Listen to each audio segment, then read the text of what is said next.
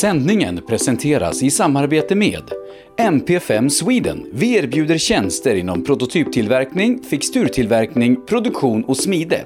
På hemsidan mp5sweden.se kan du läsa mer om oss och vår verksamhet. Nybe AB, med bas i Småland är vi verksamma i södra Sverige med byggentreprenad för såväl stora som små projekt, för industrier, större fastigheter och villor. Tillsammans erbjuder kompetens inom byggnation, projektledning, planering, VVS, plåtslageri och kringtjänster som till exempel leverans med kranbil. Vi har även ett komplett byggvaruhus i Eneryda. Nybe är totalentreprenör som kvalitetssäkrar ditt projekt från idé till verklighet. Läs mer på nybeab.se. Nu har vi på rallyshop.se tagit nästa steg och breddat verksamheten ytterligare med den nya och mer kompletta webbshoppen apex.se. Vi har även tagit över ga1.se samt gpartners.se och hela utbudet finns på apex.se. Rally, racing, drifting, folkrace och all annan motorsport. Produkterna du behöver inför din nästa tävling finns på apex.se. Välkommen till Rådek! Vi är ett kunskapsföretag som arbetar med revision, redovisning och beskattningsfrågor. Våra kunder är företag inom de flesta branscher. Genom flera års erfarenhet har vi på Rådek lätt att sätta oss in i de flesta frågeställningar som uppkommer. Vi samarbetar med Sveriges ledande rådgivare inom våra kunskapsområden. För dig som är företagare vill vi på Rådek vara det självklara valet. Så precis som vi sa i början, välkommen till Rådek! Drive VXO för dig som trivs bakom ratten. Utbildning, event och konferens. Trafiksäkerhet, motorsport eller bara kul på hjul. Drive VXO because driving matters. Elinstanät är ett brett företag inom elentreprenadbranschen som erbjuder lastbilstransporter, alla typer av schaktmetoder och även schaktfri teknik såsom horisontal styrd borrning i både mjukmark och berg. Vi är Årets Företagare 2020 i Melleruds kommun. Vår ambition är kostnadseffektiva lösningar och hög kvalitet. Elinsta Nät. KJM Service säljer och renoverar Öhlins fjädring för rally, rallycross, crosskart, bana och gata. Vi utför service, renoveringar, hjulinställning och montering av fjädring samt kan hjälpa till med tips och inställningar vid test och tävling. Läs mer och kontakta oss via vår Facebook-sida KJM Service. AM Elteknik erbjuder tjänster inom el och kommunikation för företag och privatpersoner. JG Mark är ett företag som utför mark-, sten och betongarbeten. Läs mer på jgmark.se. PP Engineering. Vi säljer och levererar däck och fälgar från Yokohama Motorsport och Speedline. Vi är specialiserade på tävlingsdäck för rally och racing, men erbjuder även fälgar för lastbilar och däck för din historiska personbil. Alla våra produkter är framtagna för hög prestanda. Läs mer på ppengineering.se. Ja, mina damer och herrar, hjärtligt välkomna ska ni vara till ytterligare en livepodd här på Rally Lives Facebook-sida. Som vanligt så är det jag, Sebastian Borgert, som befinner mig här i studion och precis som vanligt så ska vi prata rally idag. Eh, vi har ju kommit så långt på det här konstiga året 2020 att idag är den sista november. Och med det så är det faktiskt också den sista eh, livepodden som vi gör för i år. Eh, och, och, allt det här, det, det, startade ju i eh, mitten av mars där när coronapandemin slog till och eh, jag insåg att det kommer ta en stund innan vi får vara ute på rallytävlingar och kan sända rallyradio och få ta del av den här fantastiska sporten igen. Och bestämde lite snabbt där runt den 11-12 mars att jag vill göra någonting annat här under coronapandemin än att bara sitta hemma och rulla tummarna. Jag vill fortsätta prata rally rally och jag vill fortsätta kunna samla och ena Motor-Sverige på något sätt och ja, någonstans skapa en samlingspunkt som vi kan ta del av digitalt och smittsäkert under coronapandemin. Och det var där som idén till den här livepodden föddes. Och sen i mitten på mars eh, med ett uppehåll i augusti månad så har vi med dagens program gjort 32 stycken där vi pratat med några av de största både svenska och internationella stjärnorna och profilerna inom rally och bilsporten. Världsmästare har det varit en handfull, SM-medalj går knappt att räkna eh, och vi har helt enkelt i år poddat oss igenom den svenska rally och bilsporthistorien och idag markerar slutet för det för året 2020. Men eh, häng inte läpp för det, utan planerna pågår redan för att komma tillbaka i någon variant nästa år. Eh, men de här programmen hade aldrig gått att genomföra utan de fantastiska sponsorer som har varit med och stöttat det här och trott på idén. Och jag vill rikta ett stort tack till MP5 Sweden, PP Engineering Yokohama, Apex, Rodec, Drive VXO, JG Mark, Elinstanet, AB, KJM Service och AM Elteknik. Utan de här sponsorerna hade poddarna aldrig varit möjliga att genomföra. Eh, och de hade aldrig varit möjliga att genomföra utan er som tittar och lyssnar heller. Ehm, och eh, vi har ju gjort en massa olika grejer här i år, men en grej som, som vi gjort och som jag är väldigt stolt över, det är att vi tillsammans med vår partner Sunnyside Experience säljer sådana här Fuck Cancer-dekaler i vit, orange och guld. Man köper en sån här dekal för 325 kronor och är då med och stöttar kampen mot cancer samtidigt som man också är med och stöttar podden och får exklusivt poddmaterial här under hela hösten. Så köper man en sån här dekal för 325 kronor som man swishar till 0763 57 12 28. Då är man dels med och stöttar kampen mot den fruktansvärda sjukdomen cancer som fortsätter att eh, skörda liv och eh, skada människor även under coronapandemin. Eh, men man får även exklusiva poddintervjuer som de här eh, livepoddarna vi gjort 32 stycken, fast exklusiva som man bara får om man är med och stöttar kampen mot cancer och köper en sån här dekal. Så eh, Gör gärna det. Stötta kampen mot cancer, stötta podden och få fortsatt mer rally live, eller rallypoddar och eh, intervjuer under hela hösten. Alla intervjuer vi gjort tidigare med sådana som Hans Torselius, Bruno Berglund, Nalle Johansson, Leif Asterhag med flera. Plus alla de vi gör under december månad för att vi kommer bjuda på mycket julklappar och poddgodis till de som stöttat cancerforskningen här under december. Men nu ska vi ge oss in i dagens och kvällens avsnitt. En intervju med ingen mindre än Göran Bergsten, eh, kartläsare som eh, bland annat då åkt väldigt mycket tillsammans med Patrik Flodin och en hel del andra förare som vi också ska få eh, höra mer av här i intervjun.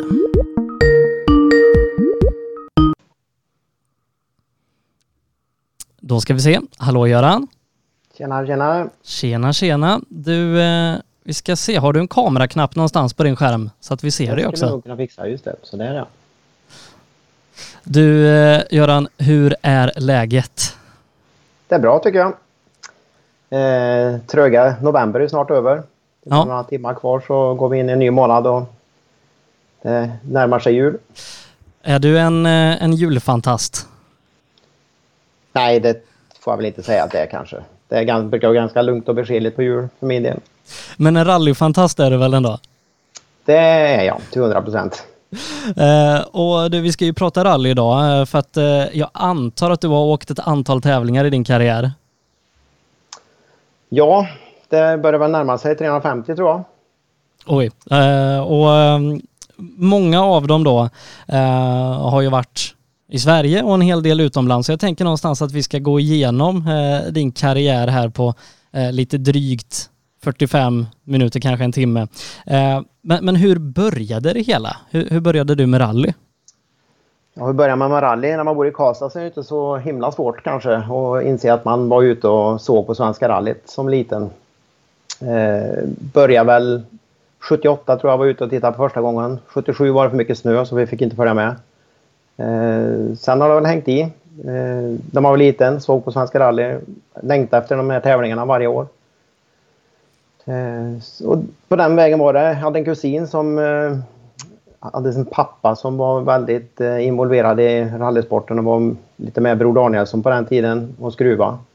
Eh, det var ju han som släpade ut oss i skogen och vi fick intresse för det här. Och Ulf då, då sen eh, skaffade ju en tävlingsbil så vi började på att köra direkt han fick körkort. Han är ett år yngre än mig så att eh, han, han låg på där direkt när han fick möjlighet att börja köra. Var det, var det alltid kartläsare du ville bli? Ja, jag tror aldrig jag har eh, tänkt ens på att köra speciellt mycket. Jag har inte ens kört speciellt mycket. Absolut inte i något tempo. Kört mycket har jag gjort men eh, bilar på transporter och sådana saker men inte när det går fort. Eh, så det har jag aldrig liksom tänkt över överhuvudtaget. Eh, men liksom eh, om man ser till, till din närmsta familj och släkt så eh, där fanns inte, inte rallyt? Nej, inte så kanske. Det var ju Ulf då, Tobiasson och jag som jagade runt. När vi kom upp så vi klarade av oss själva så flängde vi runt och tittade på tävlingar, SM-tävlingar. Jag tror något år där innan vi började köra själv så var vi nästan på alla utom vintertävlingarna. Bodde i någon liten eh, minibuss som vi kunde låna och lite såna grejer. Så det var lite, ja. Eh, där och då med, med ett ganska brinnande rallyintresse som jag förstår, eh, hade du liksom några tankar på, på att ja, men göra det här som det skulle sen då bli mer eller mindre professionellt? Nej, den vägen var ju ganska långt. När man har sett på Svenska rally, jag tänk, det tänkte jag faktiskt på en sväng då när man hade sett på Svenska rally sedan man var åtta år. Och så plötsligt eh, ett år sedan, jag hade åkt svenska någon gång innan men eh, jag fick ju åka med en norsk kille där så ett år eh, på lördag morgon så stod vi liksom på första sträckan och skulle knäcka vägen liksom. Vi var 14 efter första dagen tror jag totalt och fick åka, eller 15 eller vad det nu var då, och fick åka först på vägen och en lördag på Svenska rally för de som varit där, de förstår ju hur mycket folk det är där ute och ju rätt, då blir det lite så då funderar man ju på att nu sitter jag faktiskt här först ut i på lördag på Svenska rally och det har man ju stått och sett på jämt annars. Eh, så det var lite häftig känsla. Ja, kan tänka mig det. Eh, hur såg liksom de, de första åren ut? Vad, vad åkte du för tävlingar och med för förare och sånt där? Jag och Ulf där då körde väl några år i diverse Volvobilar tänkte jag säga. Det var 140 först och sen blev det 240 eh, fick väl ganska mycket tekniska strul. Det var väl lite... För, hade väl inte råd att köpa tillräckligt bra grejer så att det stannade väl lite här och var. Men när vi väl kom igång så körde vi ju så mycket vi orkade med den ekonomin som vi hade. Och det hängde väl i några år där. Till att börja med var det väl inget, inte något notat utan vi åkte ju blint eller på karta faktiskt. Jag var redan intresserad då att försöka göra nytta i bilen så att eh, vi åkte på kartskis faktiskt några år där innan noterna kom. Då. Uh, och när liksom, ja, tog tävlandet nästa nivå för dig? Det var väl egentligen uh, i Karlstad här faktiskt med Mattias Karlsson som uh, då åkte som B-förare och gick upp som A-förare och vi åkte ju C då, då som frågade om jag ville åka med Eh, någon tävling för han hade hört talas om det här med att åka kartskiss och det var ju fortfarande både och, eh, både notat och onotat. Så vi körde några tävlingar där på på, på kartan alltså och beskriver ifrån hur vägen svänger på kartbilden. Eh, jag vet vi var till Karlsborg ett år där, eh, kunde det ha varit 95 kanske, 96, 95 tror jag, eller 94 kanske till och med. Eh, där de inte hade en aning om vilka vi var för några. kom och åkte onotat i Karlsborg. Jag tror vi blev fyra totalt eller någonting sånt där. Eh, tog ut alla fulsvängar på, på skissen och jämförde med svängen man hade passerat. Och det var jättehäftigt. Svårt men häftigt. Men, men då eh, började, började ni prova på lite SM och grejer då också? Det gjorde vi väl till slut, men jag och Mattias, det var väl egentligen där eh, i kombination med vad jag och Ulf hade byggt upp eh, på skogen och det intresse som vi hade allihop av att gå ut och träna och lära sig det här, eh, även om det bara gick i, i Svensson-tempo. Eh, så när jag och Mattias började på åka väldigt mycket där så satt ju noten bättre och bättre och vi hade ju ett sånt där jätteskönt samarbete som man får när man åker länge med någon. Eh, eller man får det egentligen bara när man åker länge med någon. Och det var ju många bra år där på hög nivå, på, på distriktsnivå om man säger så. Då. Vi testade något SM också men det var väl också lite stolpe ut och lite motorer som var dåliga och någon låda som inte funkade som det skulle. Och det, det var inte riktigt den möjligheten till bra teknik på den tiden. Då. Men när vi väl hade grejerna igång då, var, då var det bra. Hade du någon mentor inom liksom att, att vara kartläsare eller fick du lära dig själv? Nej, på våran tid så då lärde man sig själv. Eh, och sen Ja, jag vet inte riktigt. Eh, man hittar ju vad man inte var bra nog på och nothäftet kastar man ju i baksätet någon gång i början. Men det var ju bara att knyta näven och ut och träna emellan och lära sig alla tecken och hur de, vilken betydelse de har för att bilen... Jag tänkte hela tiden jag måste ju ge bilen noten så att den kan gå fort ut ur nästa sväng. Liksom. Eh, och från det till att inte vara för långt bort. Vi åker, de som har, de som har haft mig i, i bilen vet att vi ofta är väldigt nära, nära svängen när jag läser. Och det var något vi byggde upp, framförallt jag och Mattias då när vi åkte så mycket. Det satt ju liksom i kroppen, de hör på tonläget när det börjar bli eh, fara och färde. Så att noten är inte liksom helt det viktigaste utan samarbetet där när det kommer. Så någon mentor så utan vi, jag tror vi byggde upp det tillsammans. Man pratade mycket om vad man ville ha och sen provade vi och så gick man ifrån det tävling till tävling sen. Um, är det med eh, Kenneth Johansson där i slutet på 90-talet som du började åka fyrhjulsdrivet första gången? Ja, i slutet på 90 var jag väl runt i massor med tvåhjulsdrivna bilar kan man säga. Eh, han åkte någon med eh, Leif Pettersson eh, till exempel. Jag tror jag bet av ett 15-tal eh, chaufförer där. Så jag fick mycket erfarenhet av hur folk ville ha det. Sen 99 så fick jag möjlighet att åka med i Mitsubishi med Kenneth Johansson då.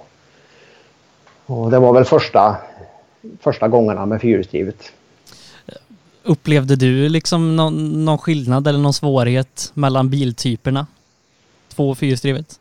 Egentligen inte så, utan eh, då hade jag kommit så långt i vad vi gjorde i bilen liksom och vad jag presterade så att den, det tänkte jag nog inte så mycket på just där och då. Då var man bara fokuserad på att lösa uppgiften liksom.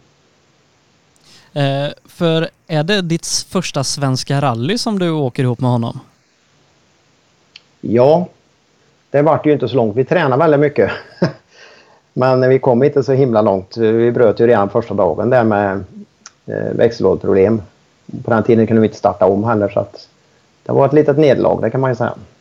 Kommer du ihåg liksom hur det var första gången att, att eh, allting omkring en VM-tävling? Nej, inte på det sättet i detalj.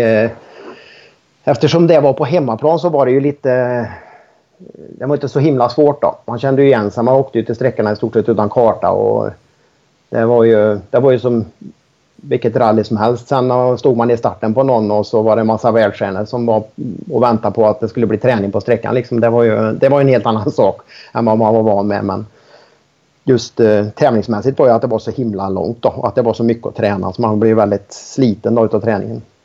Eh, men i slutet på 90-talet var det så att säga traditionell rek då, typ som idag, eller var det friare? Nej, det var traditionell rek då. Eh, vi körde tre gånger på alla sträckor.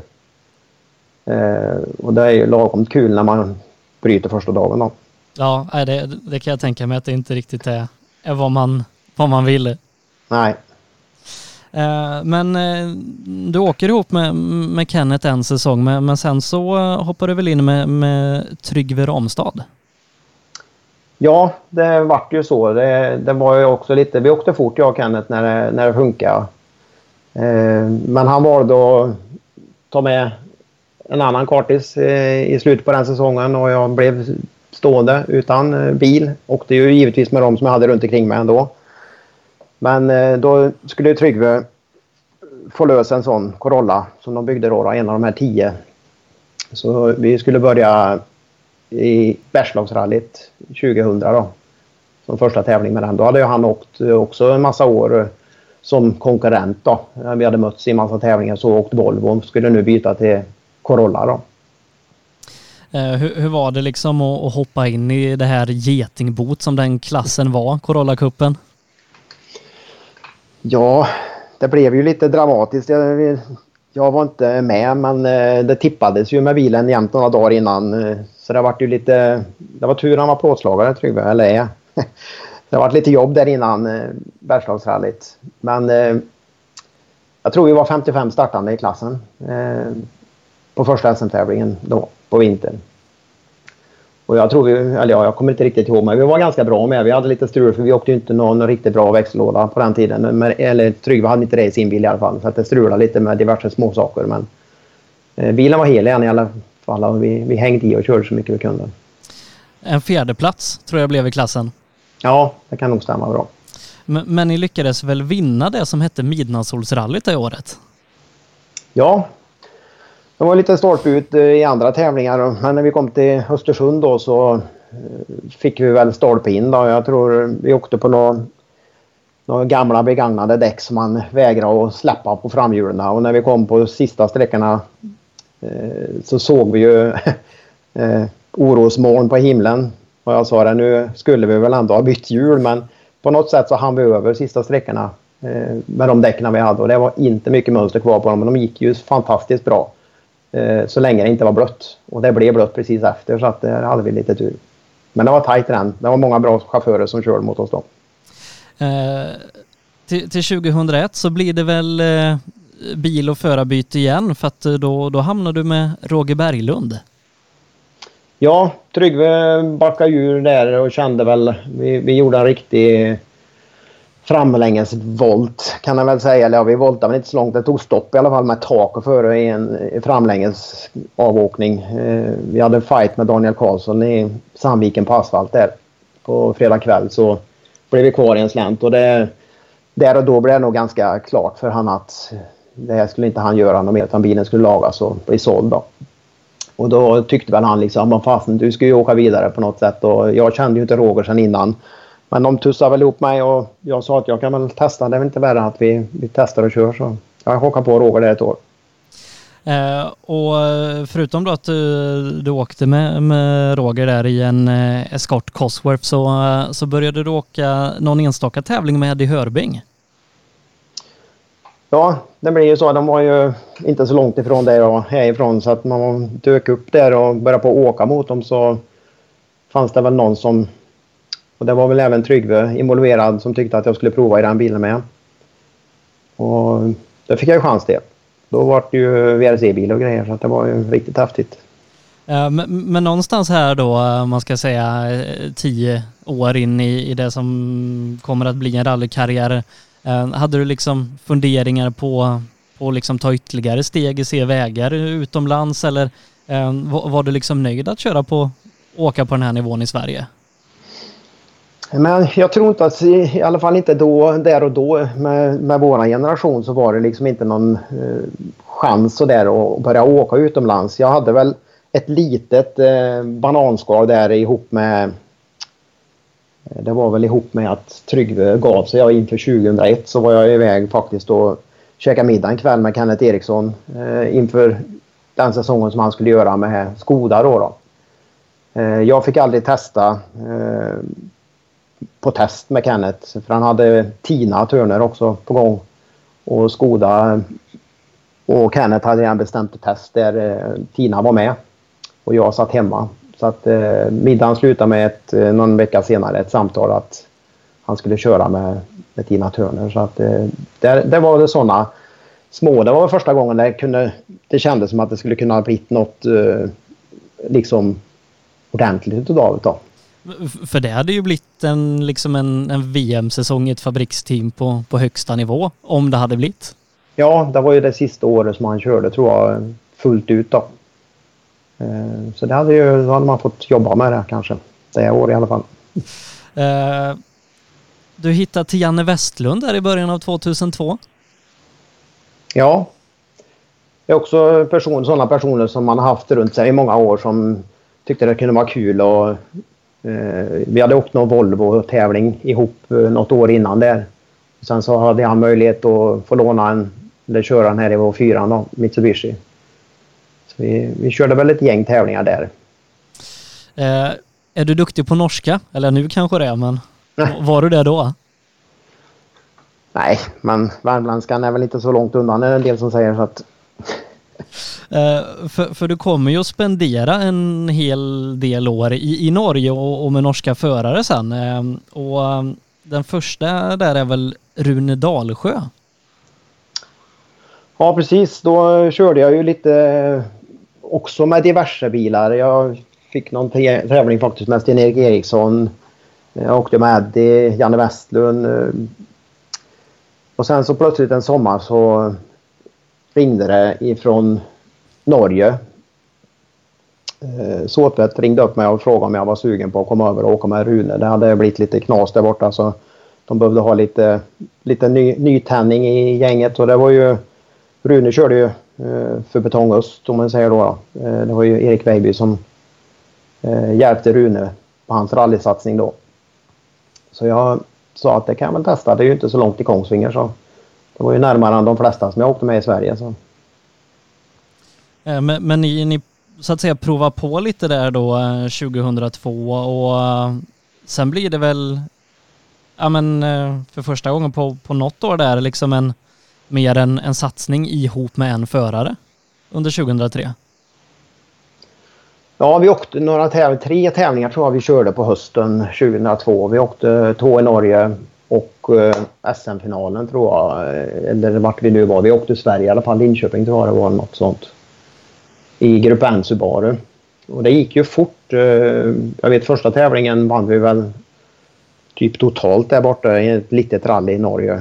Och så var vi bra med i Sverige och sen så ledde vi väl eh, Hedemarken så fick vi någon däckseparation där på slutet på någon sträcka så vi slog ju sönder allt som var. Däcket blev inte punka men det, hela slitbanan försvann då. Eh, och därifrån sen så fick ju han möjlighet att skaffa en sån Grupp A Mitsubishi då. Som vi åkte 2003 med. Och jag, jag tror, om jag, om jag räknat rätt, att eh, ni hade en ganska intensiv vinter för ni har nog med inte mindre än sju vintertävlingar. Ja, vinter åker de ju mycket i Norge, så är det ju. Eh, de har ju tre, på min tid i alla fall när vi åkte där borta, de har ju tre vintertävlingar i mästerskapet. Sen var vi väl till Sverige en sväng, eh, åkte Östersund bland annat eh, och så körde, försökte han köra alla de här tävlingarna som var.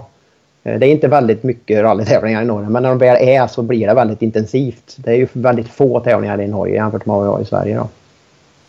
Eh, ja, som sagt, ni, ni, åker en hel del NM, åker Svenska rallyt, åker också eh, Östersund och, och bryter på, eh, på hushållssträckan.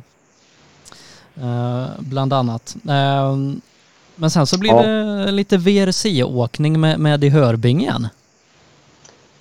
Ja, det var väl också saker som inte funkar riktigt som det skulle och det hade jag haft med mig på vägen där något, uh, något år innan.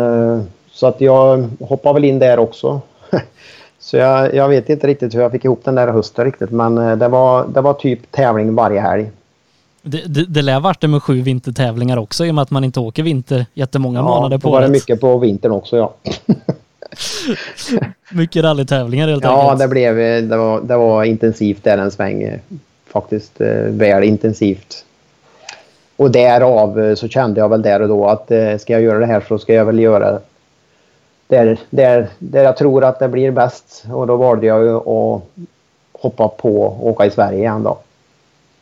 För du och Eddie åker där en, en SM-säsong i en Corolla VRC. Ja, precis. Hur liksom var det att, att åka en, en sån VRC-bil som var ganska modern ändå, där och då?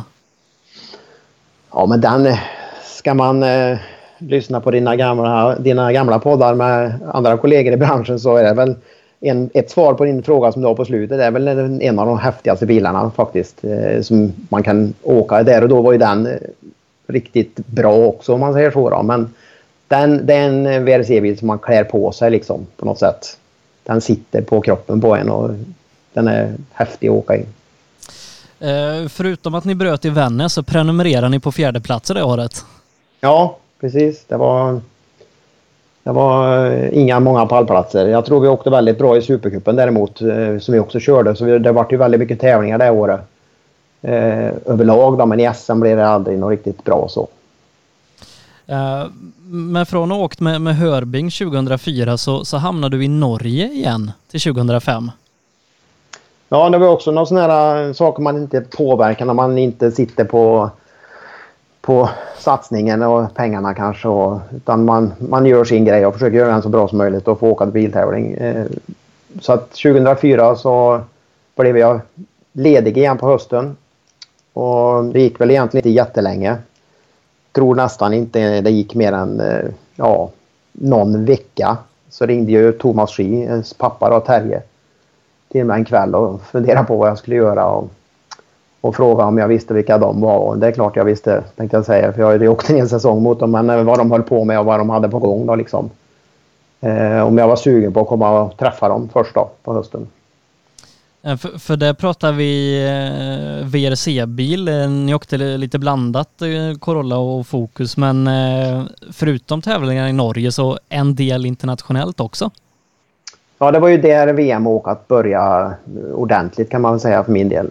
Eh, han åkte ju hela NM och lite, vi åkte ju lite i Sverige, Sydsvenska bland annat och hade möjlighet att få åka Rally Sweden då, de åren som vi var med där och jag började ju faktiskt eh, med Thomas.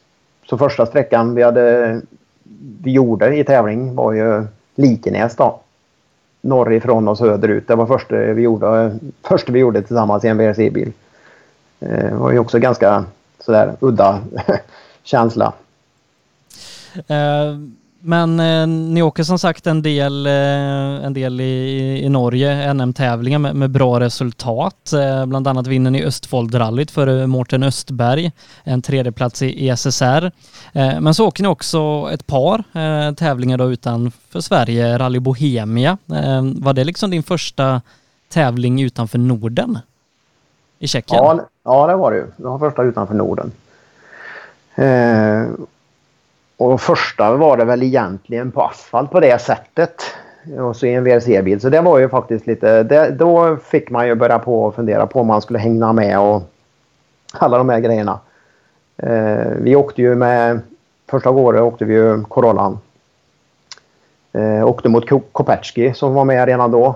Eh, och han hade ju fabriksgrejer i, i Tjeckien där. Så att vi försökte haka på honom och Thomas var ju jätteduktig på asfalt. Han kom ju från ifrån banracing från början. Så att, eh, men det slutade med att vi la grejerna på sidan där tror jag. Eh, det året när vi faktiskt hade häng på tjeckiska eliten där nere. Uh, och därifrån till Estland, Peugeot-rallyt som det hette då? Ja, och det var ju också väldigt kort. Tråkigt nog för det var jättehäftiga vägar. Men det stannade väl också med tekniska eh, problem då. Men hur var det för dig att liksom börja komma utomlands och åka och dessutom i, i VRC-bil på, på den här nivån? Ja, man hade väl nog inte riktigt eh, greppat det på det sättet. Man gjorde, det var samma sak där. Man försökte göra så gott man kunde när man förberedde sig med det man kunde och leverera och vara så lugn och bra i bilen som det bara går så att alla ja, chaufförerna som man har fått åka med bara få göra sin grej liksom. Det är att köra bil då. Uh, du åker väl också en SM-tävling med Mats Torselius 2005? Ja, just det. Ja, 2005 då var det lite... Då var det också lite mycket olika... Det var en massa konstiga noter och man åkte ena helgen med norska siffror och sen åkte man svenska siffror och så vart det något, jag tror till och med jag körde något beskrivande med Hörbing där. Eller var, ja, jag, jag gjorde något mer där i alla fall. Jag vet att jag åkte olika notsystem typ varje helg. Det var, det var rörigt. Men eh, Torselius och jag körde där nere, ja. Precis. Eh, lyckades vinna eh, SM-tävlingen Rally Österlen. Ja. Och eh. min eh, nuvarande chaufför hade väl lite otur där tror jag. Så att det var väl lite fight på vägen. Där han blev kvar. Eh, men liksom hur, hur var det så att säga utvecklingsmässigt för dig som, som idrottare att, att åka dels mycket men att få prova på olika typer av underlag, tävlingar, bilar, förare? Ja, när, jag, när jag kom till Norge så var det ju, då hade jag ju skrivit noter och sånt eh, en hel del tyckte man ju ändå. Men där gjorde man ju det hela tiden på alla tävlingar. Eh, så det är klart att den tekniken som jag eh, fick med mig. Dels var Thomas också väldigt duktig på att, att skriva, beskriva vägen, hur han ville ha det. Och sen fick ju jag på något sätt in snitsen på att göra det här i, i en lämplig fart. Det är också väldigt viktigt eh, att de, eh, att vi får, att de klarar av att åka det som är tillåtet att åka om man nu säger så. Då. Och det kan ju vara när du är ute i VM. Det kan ju vara 90 på träningen och att man då låter chauffören åka i det tempo som de vill ha under reken och att inte jag ska bromsa dem för att jag inte hinner med att skriva. Så allt det där växte ju fram. Så man blir ju vassare och vassare för varje säsong man gjorde där. Helt klart. Eh, säsongen 2006 då åker du fortsatt med, med Thomas, en ganska bra säsong i, eh, i Norge. Eh, jag tror ni tar fyra segrar. Ja. Under det året. Hur, hur långt räckte det i ett mästerskapssammanhang? Ja, men 2005 när jag började med Thomas så eh, hoppade jag ju med. Vi skulle få grabben här då, Tio, skulle bli född. Så jag sa till honom, eller till Terje och Thomas när vi träffades på hösten att jag tänker inte göra det här eh, förrän det är klart. Eh, men då kommer jag när det är färdigt. Så då vart det ju Sverige som det började med. Men då missade jag två vintertävlingar. Sen så vann vi ju norska mästerskapet eh, 2005. Jag åkte ju med svensk licens så jag, fick ju, jag vann ju ingenting så sett då. Eh, men någon eh, vecka efter, tror jag två veckor efter hade varit NM-prisutdelning i, i Norge där som vi var på så fick jag ett brev hem. Då kom det en eh, då kom det en guldmedalj, en norsk guldmedalj från Thomas. Och så stod det bara under, jag tror vi ska ha en nästa år så jag kan ta den, typ, skrev han. och så vann vi ju 2006 också. Så att eh, du, du har då ett, ett NM-guld? Ja, jag fick ju ta del av det då. Så jag har ju två NM-guld egentligen då, både 2005 och 2006. Ja, ni åker också eh, ett par stora fina tävlingar då, Svenska rallyt som ni tyvärr bryter. Eh, då tror jag det var hydraulproblem eh, i Fokus VRC den här gången. Åker till Rally Bohemia igen som ni väl också bryter? Ja, det minns jag inte riktigt men det, det, skulle jag kunna tänka mig att vi gjorde det året. Och även finska VM-rallyt som måste varit första gången för dig? Ja, hur, eh, hur var det att, komma till Finland första gången? För det är ju en upplevelse kan jag tänka mig att åka där. Ja, där hade jag varit som åskådare med ett eh, glatt gäng i en massa år så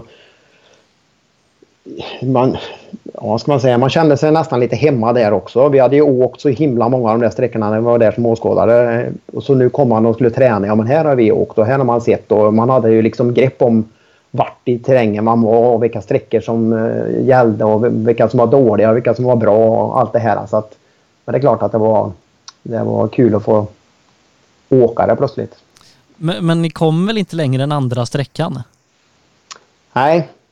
Man har ju några sådana här uh, ups and downs och det var väl en down då. Första var ju Killer i eh, travbanan. Eh, kan man ju inte säga om det går bra eller dåligt. Sen var det ju Lankama på morgonen, fredag morgon. Eh, gick ju riktigt bra enligt utsago. De som stod på skogen och det flöt på som det skulle eh, på huvudvägen. Sen kommer man ner efter halva sträckan ungefär så blir det lite sämre väg. Och mitt i ett vänster och en lång höger så hör vi liksom som ett litet pistolskott typ i bilen. Och ett styrstag som går av. Eh, så han hänger ju ratten åt höger, Thomas. Men bilen går ju liksom svagt ut åt vänster när vägen svänger till höger. Så vi frontar ju med någon stor sten och får som tur var rotation på bilen framåt. För nästa sten som kommer var ju typ tre meter hög då. Och den träffar vi med huven. Så vi rullar ju över den eh, framlänges då och landar bakom stenen då. Eh, du åker en tredje säsong eh, tillsammans med, med Thomas eh, och ehm, förutom då eh, NM så tror jag ni åker fyra VM-tävlingar tillsammans. Ehm, och tittar man till då NM det året så blev ni tvåa i stort sett i varje tävling. Eh, och eh, jag tror du kommer ihåg vem som vann de tävlingarna? Ja, ja precis. Mats Östberg var med då. Då hade han ju, för året innan var han ju då var han lite för vild tror jag. Ville för mycket. Sen hade han väl eh, fattat poletten där plötsligt. Det är ju en duktig chaufför har vi ju sett i efterhand. Så att eh, det året var det hårt kan man säga. Vi fick stryk i alla. Eh, och visst, det, många tävlingar var ju inom 10 sekunder. Eh, jag vet Östersund eller Trondheim åkte vi och det var... Ja, vi hade ett motorstopp i starten på en så jag tror vi tappade 6 eller 7 och fick spö med 2,8 eller någonting i mål. Och det var ja, det var ett hiskligt tempo. Eh, fyra VM-tävlingar åker ni tillsammans. Eh, hur var det liksom att, att åka så mycket VM och dessutom få göra det i en VRC-bil? Ja, det var ju en 03-fokus eh, då, så det var ju, det var ju en ny fräsch bil, helt klart. Eh, det året så kändes det ju dock eh, när vi kom på vissa ställen att eh, 06-fokusen, framförallt den nya sista karossen som de hade där innan det blev Fiestan. Eh, att den var mycket starkare. Så jag vet vi åkte Spanien då. Eh, då hängde vi med och körde ifrån Henning och det här gänget då, Matthew Wilson och de så fort det var platt. Eh, men så fort det blev uppförsbacke så var vi avhängda. Eh, och det är nog kanske enda gången du åkt två VM-tävlingar en vecka efter varandra va? Sverige och Norge. Ja just det. Ja det gjorde vi också ja. Då var jag inte heller hemma så mycket. Fast man bodde i startplatsen på den innan tävlingen så såg de mig inte på 14 dagar nästan. Uh, ni åker Tyskland också. Uh, 14 plats i Sverige, bryter Norge, bryter Tyskland, 12 i Spanien. Men uh, sen har du väl en ganska spännande avslutning på året 2007? Ja, just det. Då uh, skulle Kato Menkerud bli pappa.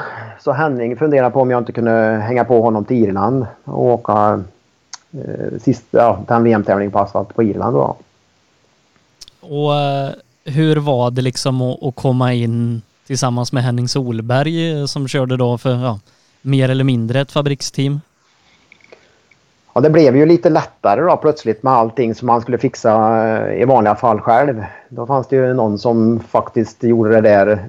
Även om jag ville ha koll på läget så fanns det ju någon som gjorde det där åt en.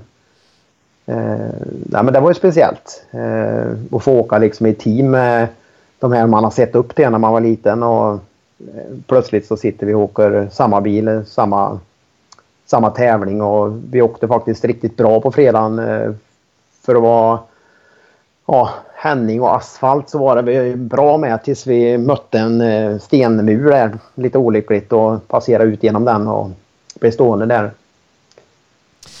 Hur är det att tävla på Irland? För det är inte jättemånga svenskar i modern tid som har gjort det. Nej, det, det var, det var svårt var det ju. Helt klart. Eh, väldigt eh,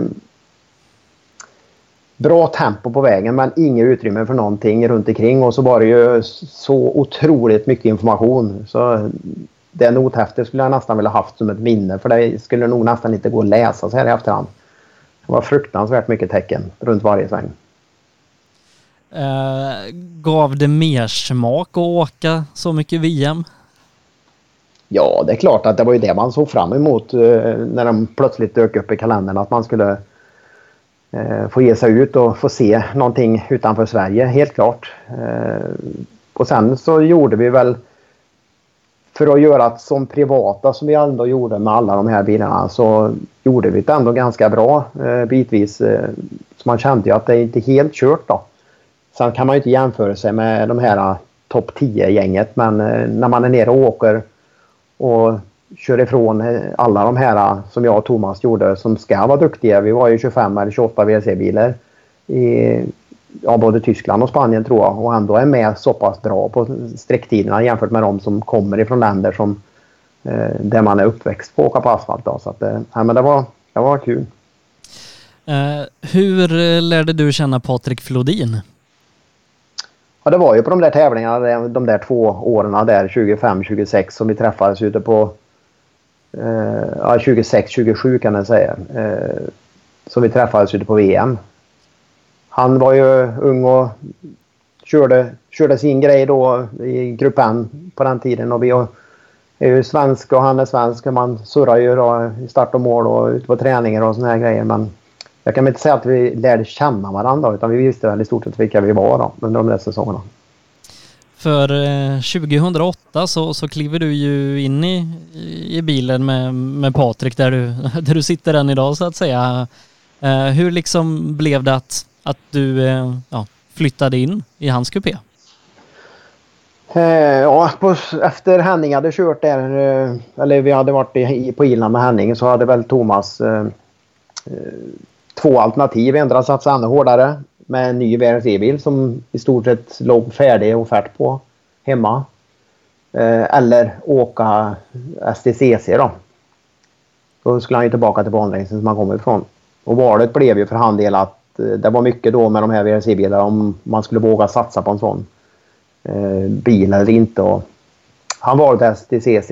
Eh, och då stod jag ju där igen utan någon någon att åka med. Eh, så på hösten sen så eller på vintern då så såg jag att Patrik blev anmäld till Svenska rally både utan bil och utan kartläsare. Så jag slängde iväg ett sms till vad ska, du, vad ska du göra? Ska du köra eller? För jag är ledig om inte du har något annat eller har du någon bil överhuvudtaget.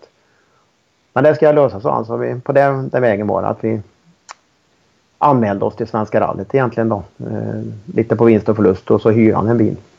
Uh, men eh, liksom in, innan Svenska rallyt, är det han ni åka någonting med varandra eller var det VM-tävling som var första gången ni fick känna på varandra? Ja, det blev väl så igen då. Satt man där med en ny chaufför några år senare och skulle göra debut i, i en VM-tävling liksom. Jag vet vi startade på Långjohan. Det var första sträckan då på fredag. Jag tror vi kom 700 meter så gjorde vi en 360 på vägen. vi åkte inte ner i, i skogen men eh, det var ju en lagom kul början så. Eh, men eh, jag, jag antar ju att ert samarbete funkar och har funkat ganska bra här under årens lopp. Funkade det från start?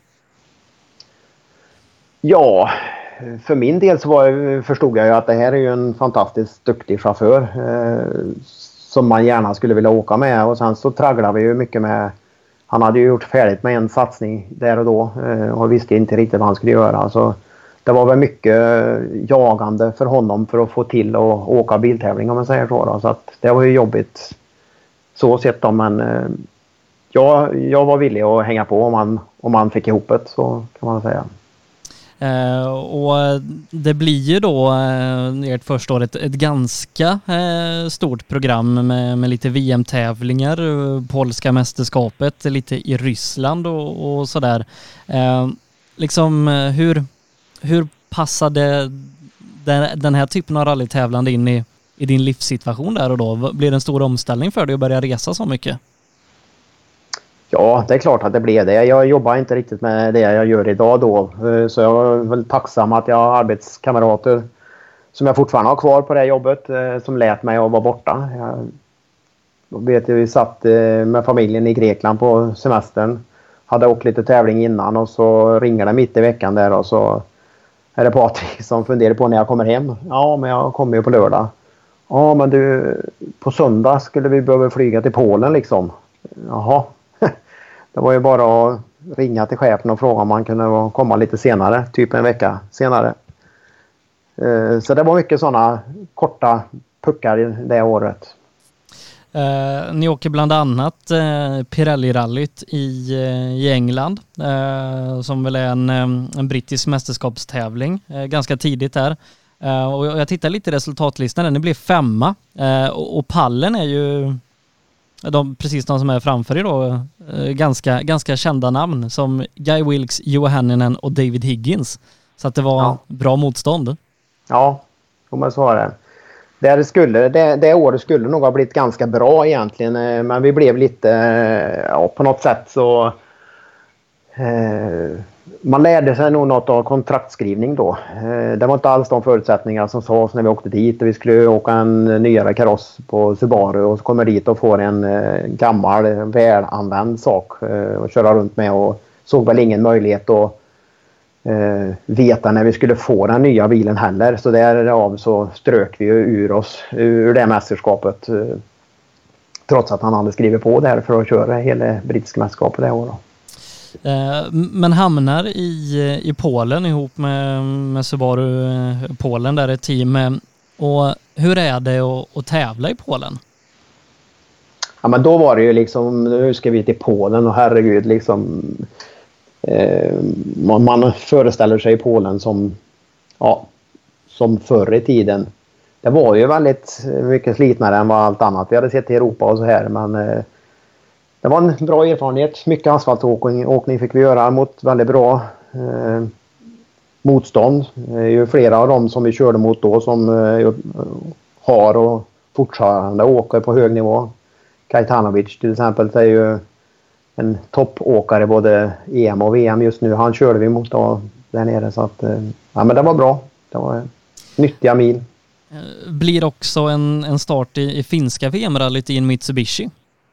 Ja, det gjorde han ju på egen hand också Patrik och fick ihop en, eh, en peng till att köra Grupp N då. Och han hade väl alltid känt att han ville göra det till en Mitsubishi igen då.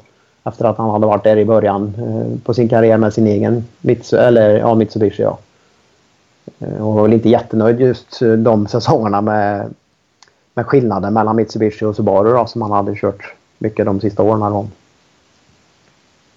Eh, och ni låg väl ganska bra till, men uh, fick väl inte tillgodoräkna resultatet?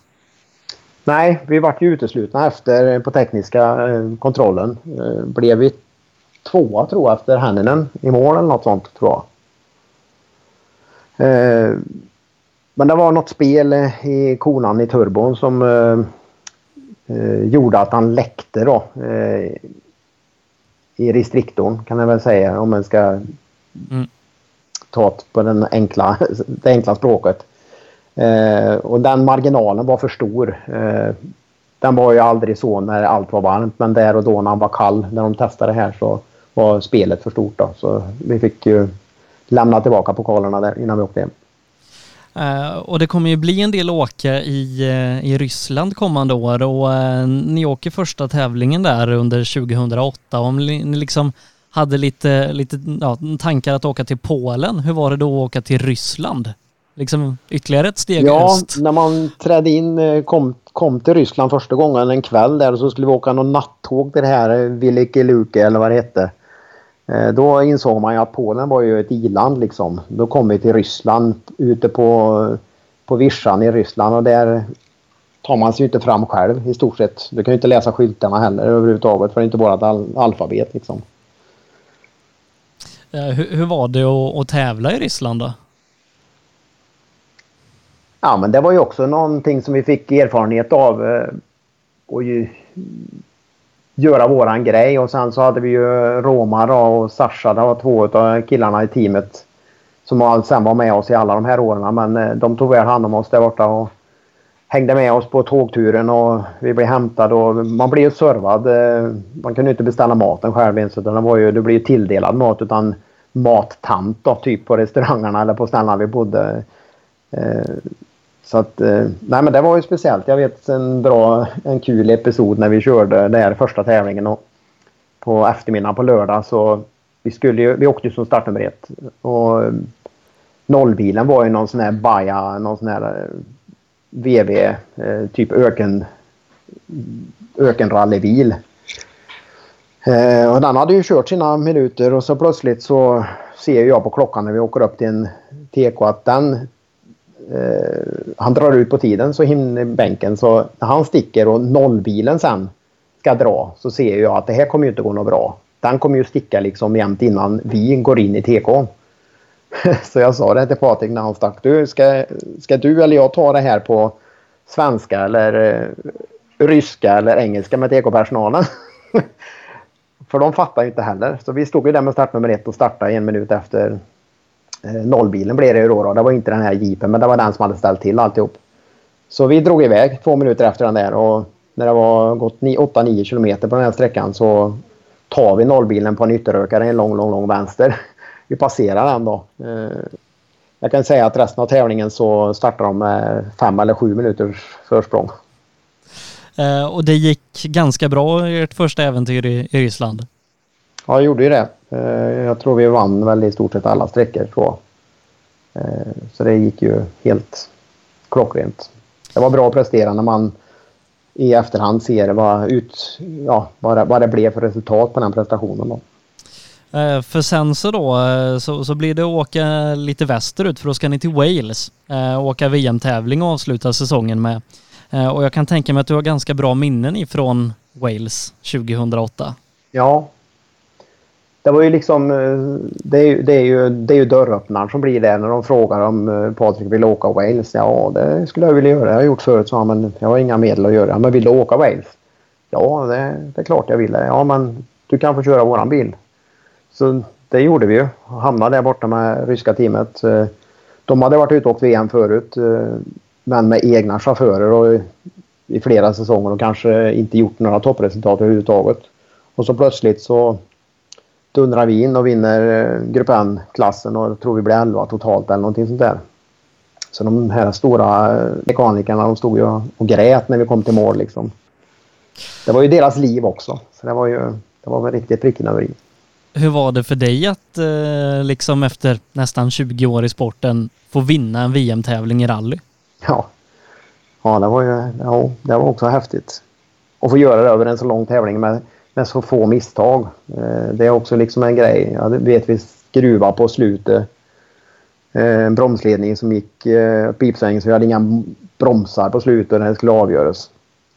Eh, men det löste sig det också. Med lite blod på knogar och grejer så lyckades vi köra, köra till mål utan att tappa något. Då.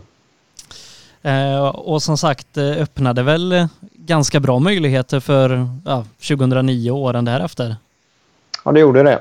Vi fick en möjlighet sen att köra för Spanska rallyteknika i hela 2009, 10 eh, och 11 då kan man ju säga det. Och då var det ryska mästerskapet och PVRC som det hette då, Grupp N-VM. Ja, precis. De ville ju åka på hemmaplan också ihop med den satsningen de gjorde på VM. Så att eh, det var bara hela läget att sticka till Ryssland och, och köra deras mästerskapstävlingar också. Men det var ju det var nyttig träning. Patrik jobbar ju med det här så han ville ju åka så mycket bil han bara kunde han. Så att eh, det var, ja, men det var bra. Hur, hur liksom var det för dig att få ihop så, så många resdagar? Var det fortfarande en snäll chef?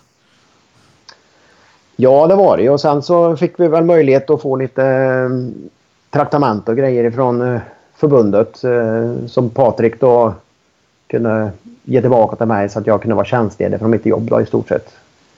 Eh, så att det belastar väl inte min inkomst på det sättet men det, samtidigt så kostar det mig ingenting då. Vi åkte ju i stort sett allting gratis eh, eh, under de där säsongerna. Men det är klart att det, det var mycket dagar som gick undan någon säsong där hade han 21 tävlingar på ett år och det var ju liksom veckotävlingar alltihop. Eh, jag tror jag lyckades vara med 13 det året. Eh, resten fick jag plocka ihop med lite, lite andra kartisar. Eh, för, för redan 2009 tror jag att Maria Andersson åker någon tävling med, med Patrik. Ja, Maria hade ju varit med eh, Patrik då i början till, fram till jag hoppade in 2008 så det var ju jättenaturligt eh, att hon, och bra att hon kunde finnas tillgänglig där. Eh, och hjälpa till när inte jag hade möjlighet att vara borta typ tre veckor på rad. Eh, så att vi, vi pusslade och fick ihop några stycken som Patrik tyckte det var okej okay att åka med och, och, som också ville hänga på när, det, när, det, när han kallade. Då. Hur tar man sig till Ryssland enklast ifrån Karlstad? Ja, man åker mycket till Arlanda när man höll på som jag gjorde. Jag, jag gillar inte Arlanda en sväng där för det var liksom för många gånger i månaden tänkte jag säga man var där. Ibland så låg ju resväskan kvar här. Eh, kom inte in, in i garderoben emellan man skulle iväg till Arlanda igen. Men eh, liksom är det flyga till Finland och vidare eller kunde man ta sig till, till Ryssland utan att ha allt för många mellanlandningar? Nej, man... Flyger ju till Moskva eller eh, Sankt Petersburg. Så ofta så flög vi till Moskva för teamet var ju i Moskva då. Sen så eh, de gångerna vi var på andra ställen då. Eh, på vintern fanns det några tävlingar som var bil, billängd ifrån Moskva och Sankt Petersburg. Annars så fick man flyga inrikes i, i Ryssland då. Typ bort till Uralbergen var vi och körde något år där. Det var det ju två tidszoner ytterligare bortåt då. Fyra timmar eller någonting sånt där. Hur är det att flyga inrikes i Ryssland? Ja, men det gick rätt bra tycker jag. Man har ju hört mycket om eh, konstiga plan och dålig, dåligt material men det var väl ingenting som vi såg någonting av tror jag. Inte på det sättet. Hur var det att liksom få se delar av världen som, som många människor ja, bara kan drömma om att få, få ja. se? Ja, det är ju uppsidan med det här när man får åka på sådana här ställen som är så speciella. Moskva och Sankt Petersburg de är ju som i stort sett vilka väststäder som helst. Men eh, man behöver inte många mil ut förrän det är liksom att gå tillbaka till... Eh, ja, man vet ju inte hur det såg ut här på 50-talet men jag skulle kunna tänka mig att det är så stor skillnad ungefär. Eh, men har ni liksom sett grejer och sånt hur det funkar där ni liksom höjer på ögonbrynen och ställer frågan hur, hur 17 gick det till här? Ja, men det är klart när du kommer på ställen där det är kallt, liksom eh, riktigt kallt väldigt länge så funderar man ju faktiskt på hur folk överlever eh, och bor där och vill bo där. Eh, det, det, är ju inte alls så som vi har runt omkring oss här. Så är det ju bara. Hur är vägarna i Ryssland?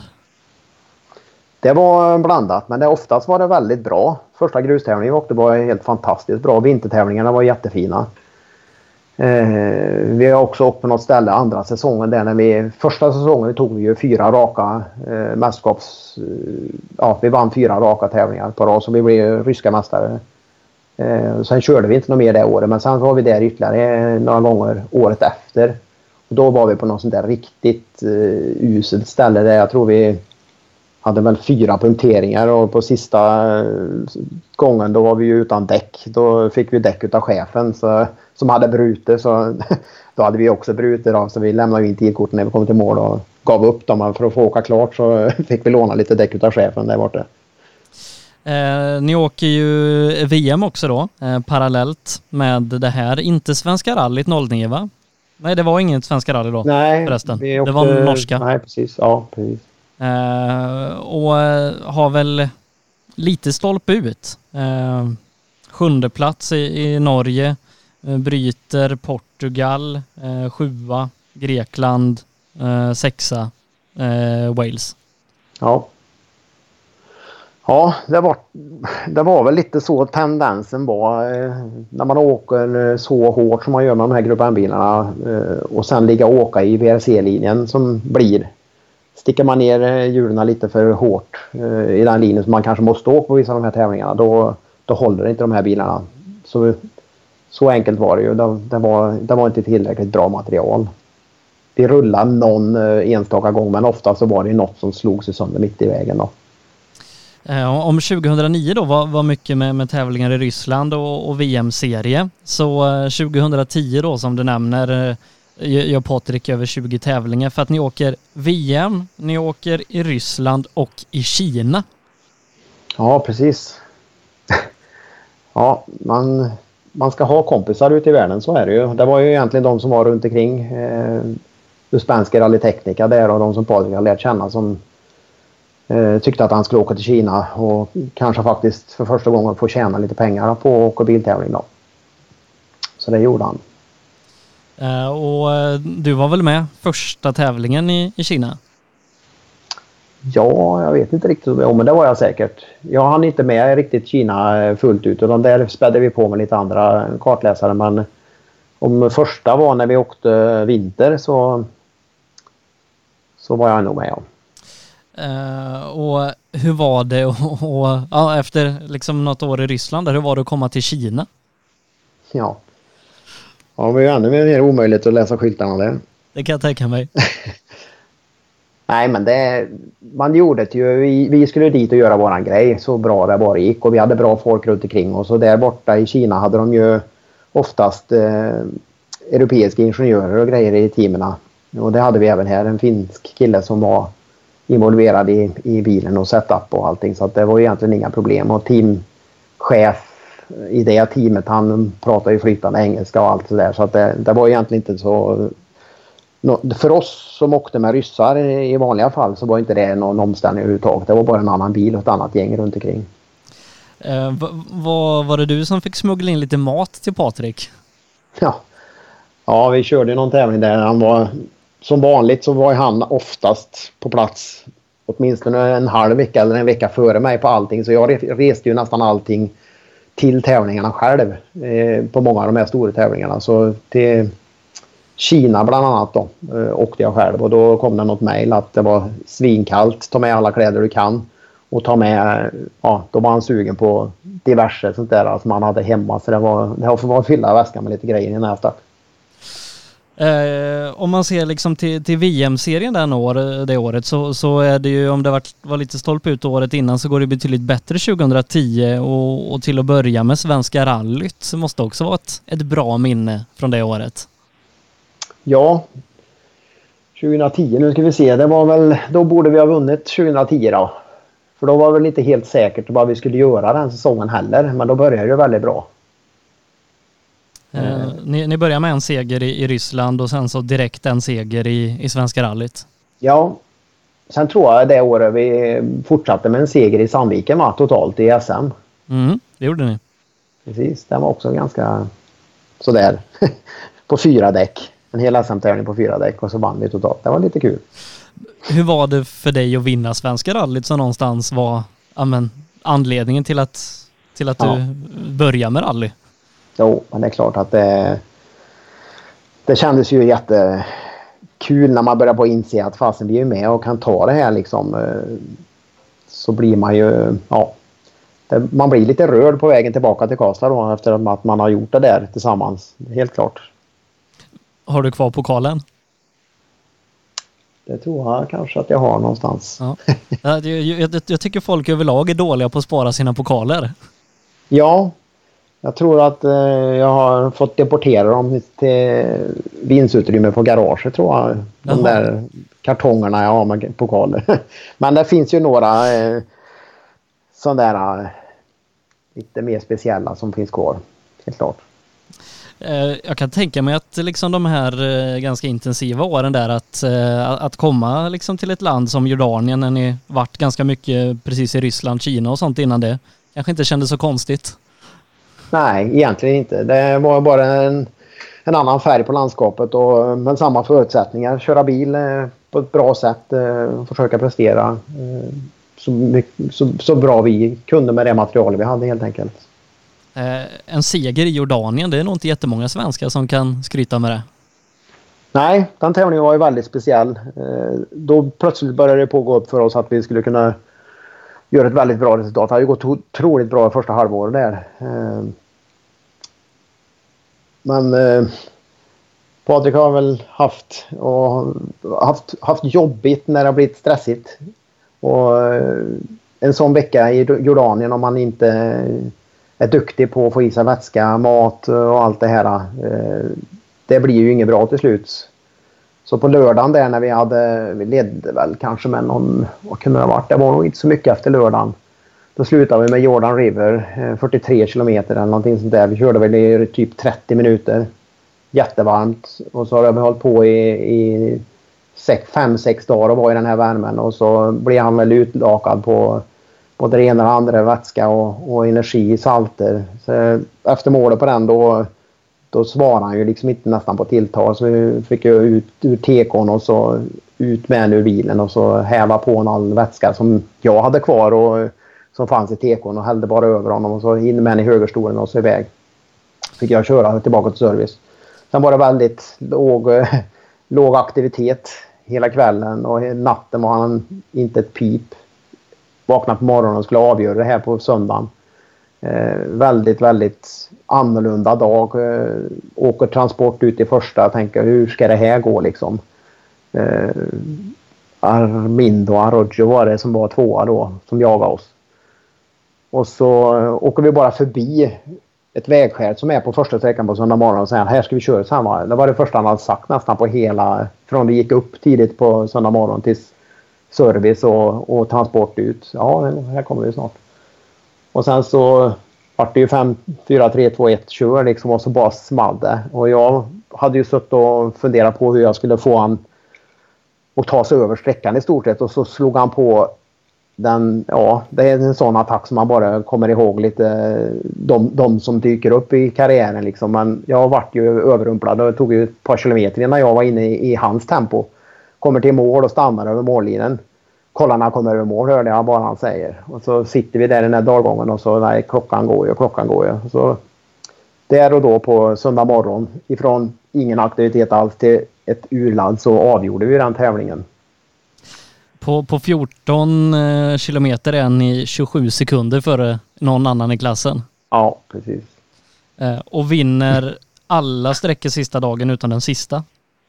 Ja, då kapsejsade ju bakvagnen helt och hållet så vi åkte ju egentligen med knäckt bakvagn. Så vi, han gick ju på skyddsplåten på klumpen bak över sista sträckan. Så vi, men vi tog oss till mål.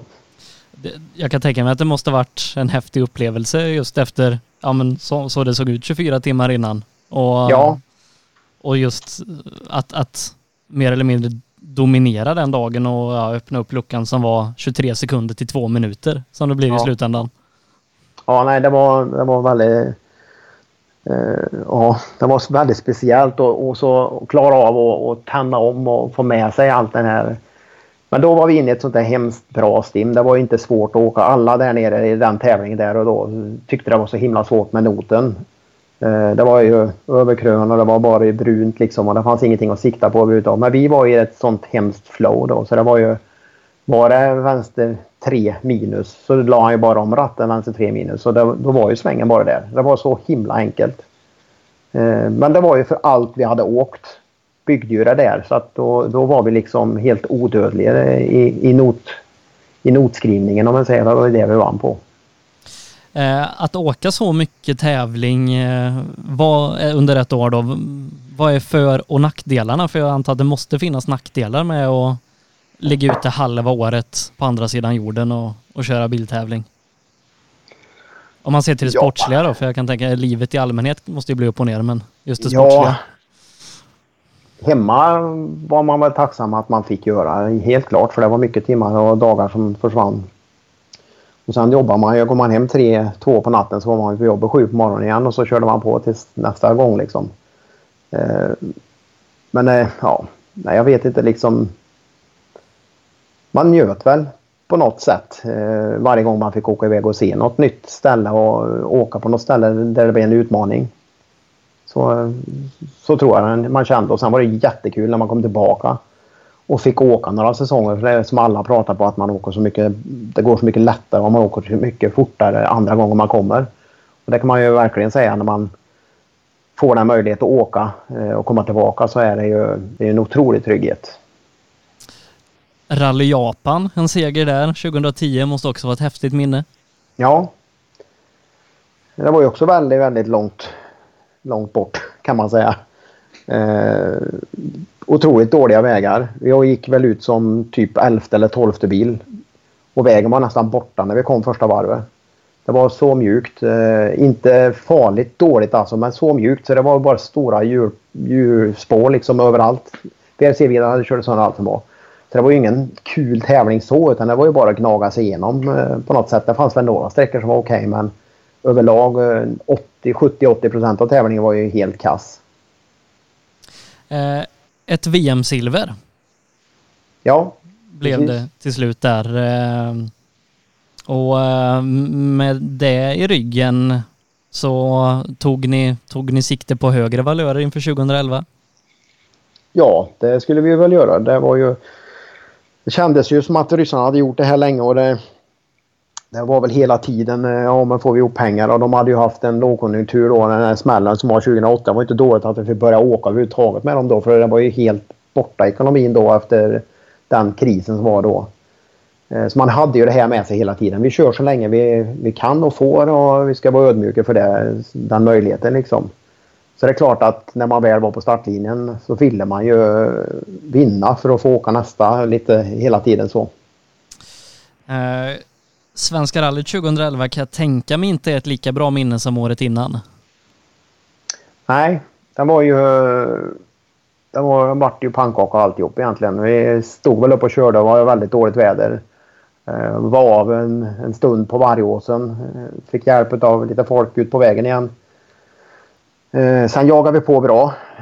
Och var väl, jag vet inte, var långt efter vi kunde ha varit på fredag kväll när vi kommer ner till Karlstad. Men vi hade kört bra. Och får då reda på att eh, någon som har lämnat in en protest på oss eh, på felaktigt material då, på bilen. Så vi blir inkallade på ett domarmöte. Där, eh, där då framkommer att vi åker med en, med en färg då som hade eh, gått ur klassningen till ja, om det nu var 31 januari till och med. Så det var typ 14 dagar efter eller någonting sånt där som vi körde då. Och den här färgen fick inte vi åka på. Och den hade vi åkt på på det första loopen då innan service på lunch. Efter lunch åkte vi på andra färger. Så det var inte någon pardon att man var svensk utan vi blev ju uteslutna där och då. Um, säsongen sen i övrigt eh, i VM, en tionde plats i, i Portugal. Uh, Patrik blir tvåa i Argentina med Maria. Tredje plats i Finland, seger i Spanien. Uh, sen vinner Patrik också i Wales, men där åker du inte heller med. Och, uh, ett, ytterligare ett silver. Ja, precis. Det är lite stolpe ut. Eh, men ni får ju prova på också ganska spännande grejer under året för att ni åker två tävlingar i Mini Cooper. Eh, den första i, ja, vad, vad som på pappret då står att det är en Super 2000-bil även om den hade 1,6 liter mm. turbo. Precis. Eh, hur var det att åka, ja, först och främst Sardinien med den bilen, men sen Tyskland också med Ja, VRC-bilen. Sardinien var det ju, blev ju lite cirkus när vi dök upp där nere. Eh, Det var ju premiären med den här bilen och så plötsligt så kom eh, ProDrive på eh, att de inte hade material till sina fabriksbilar. Så de klädde ju av den bilen som Patrik hade hyrt från Vinge och allt vad det nu var som behövdes som reservdelar till, till gänget Sordo och Chris Meek var det väl som körde de bilarna då. Mm. Eh, och så klassade de ner den till klass 1 någonting vad det nu hette. Så att vi åkte ju en VRC-bil utan aerodynamik kan man väl säga då. Och så körde vi som privatist så vi åkte ju först efter hela VM-fältet. Eh, så det var väl ingen höjdare för vi låg och åkte ikapp en massa bilar framför oss hela tiden. Eh, Men det, det gick väl skapligt. Vi bröt första dagen på tekniskt men sen körde vi ju eh, allt som var kvar och jag tror, ja, jag vet inte riktigt vad vi hade för tider totalt men jag tror inte det var någon katastrof med tanke på att det var första gången han körde på VRC-bil på väldigt länge. Ja, ni, ni vann den klass 1 i alla fall. Ni var enda, enda sån bil. Ja, precis. Det är alltid något. Eh, men Tyskland däremot sen Ja. då, den, den fick han ju lite eh, på köpet för att de hade misshandlat hans eh, föregående start kan man väl säga.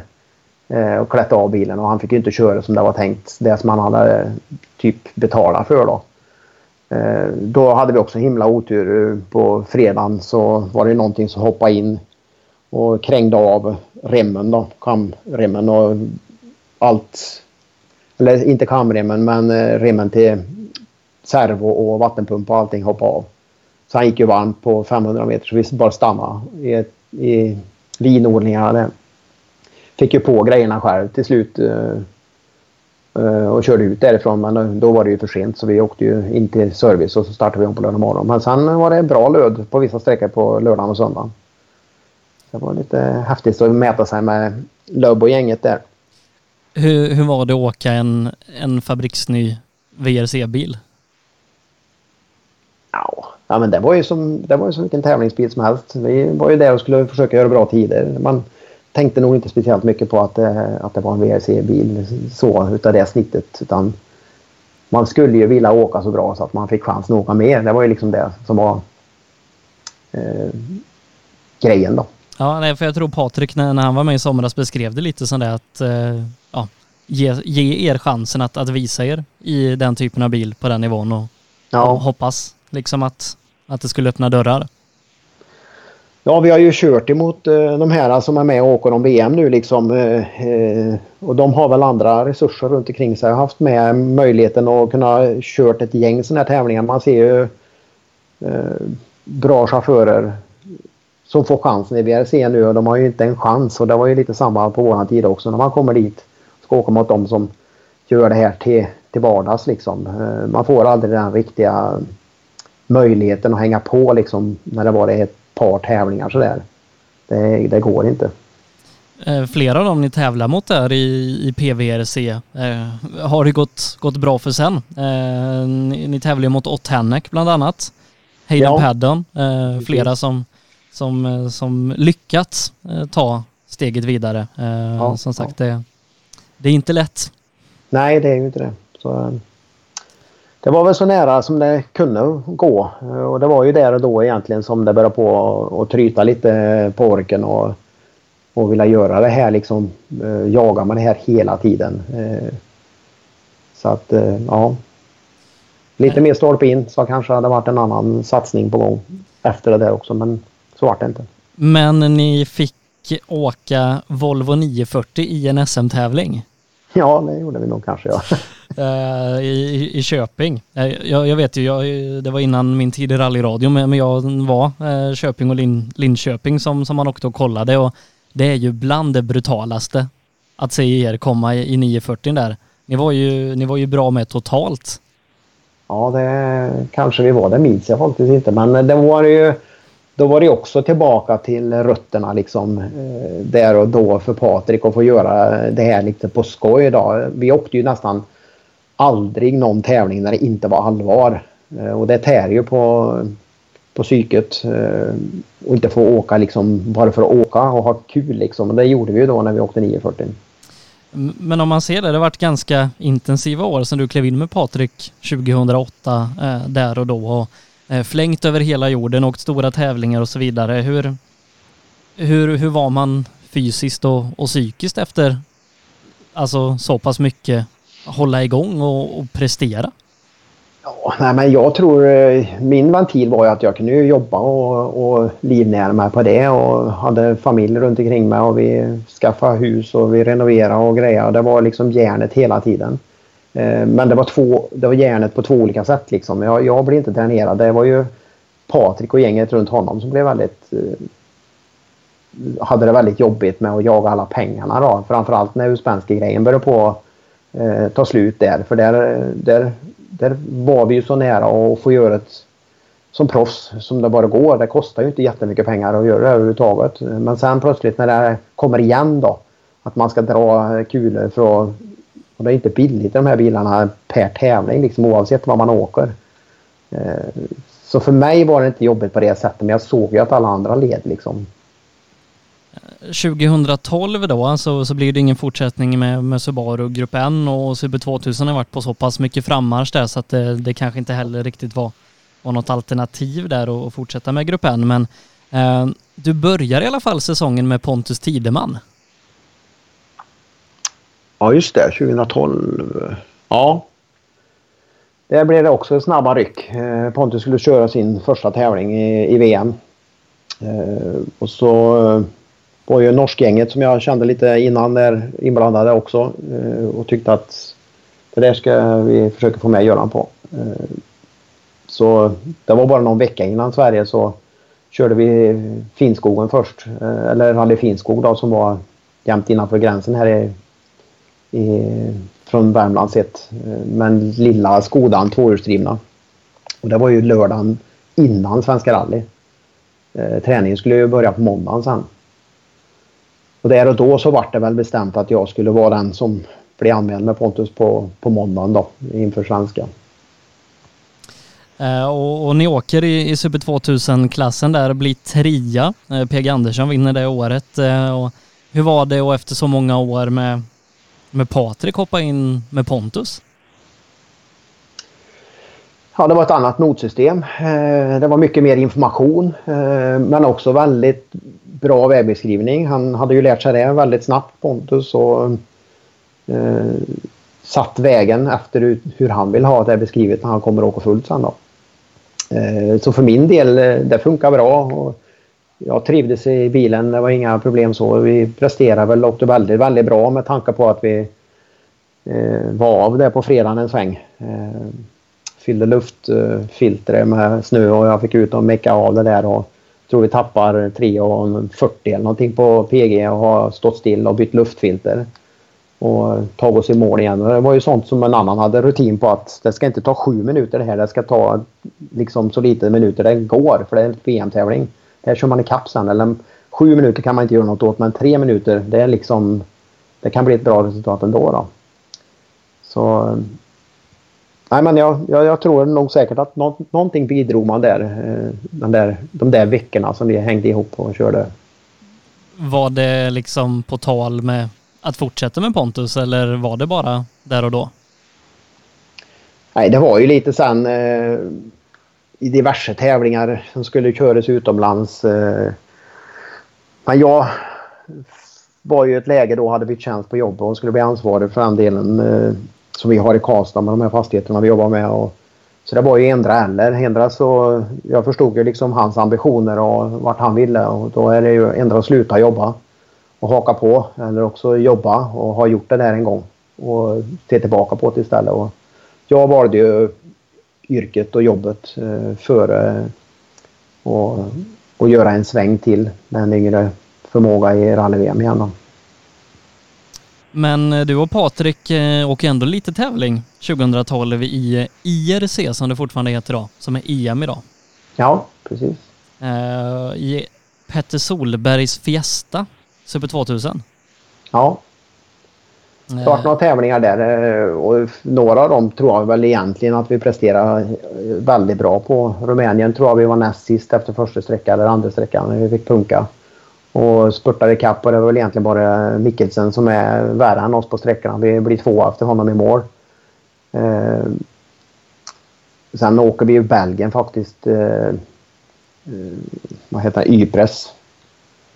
Där eh, folk funderar på vad vi var för några som aldrig har varit där förut och åkte så fort. Så där gick det också bra. Eh, för, att, för att inte ha den erfarenheten. Eh, men det var lite, ja, det blev en jobbig säsong ändå för oss. Inte alls som det var tänkt från början. Och någonstans där så, så tar väl den här riktiga satsningen ute i världen slut eller ja, sätts på paus om inte annat. Ja, jo men det blir ju det. Då hade han ju jagat ihop den här satsningen själv i stort sett och gjort det väl så bra som han kunde och nästan det bästa som Patrik hade jagat ihop någon säsong i stort sett. Eh, och så blev det ju egentligen bara pannkaka av det. Så att, eh, då, då rann, rann det över liksom. Då kände han att nu är det färdigt, jag orkar inte jaga med det här längre.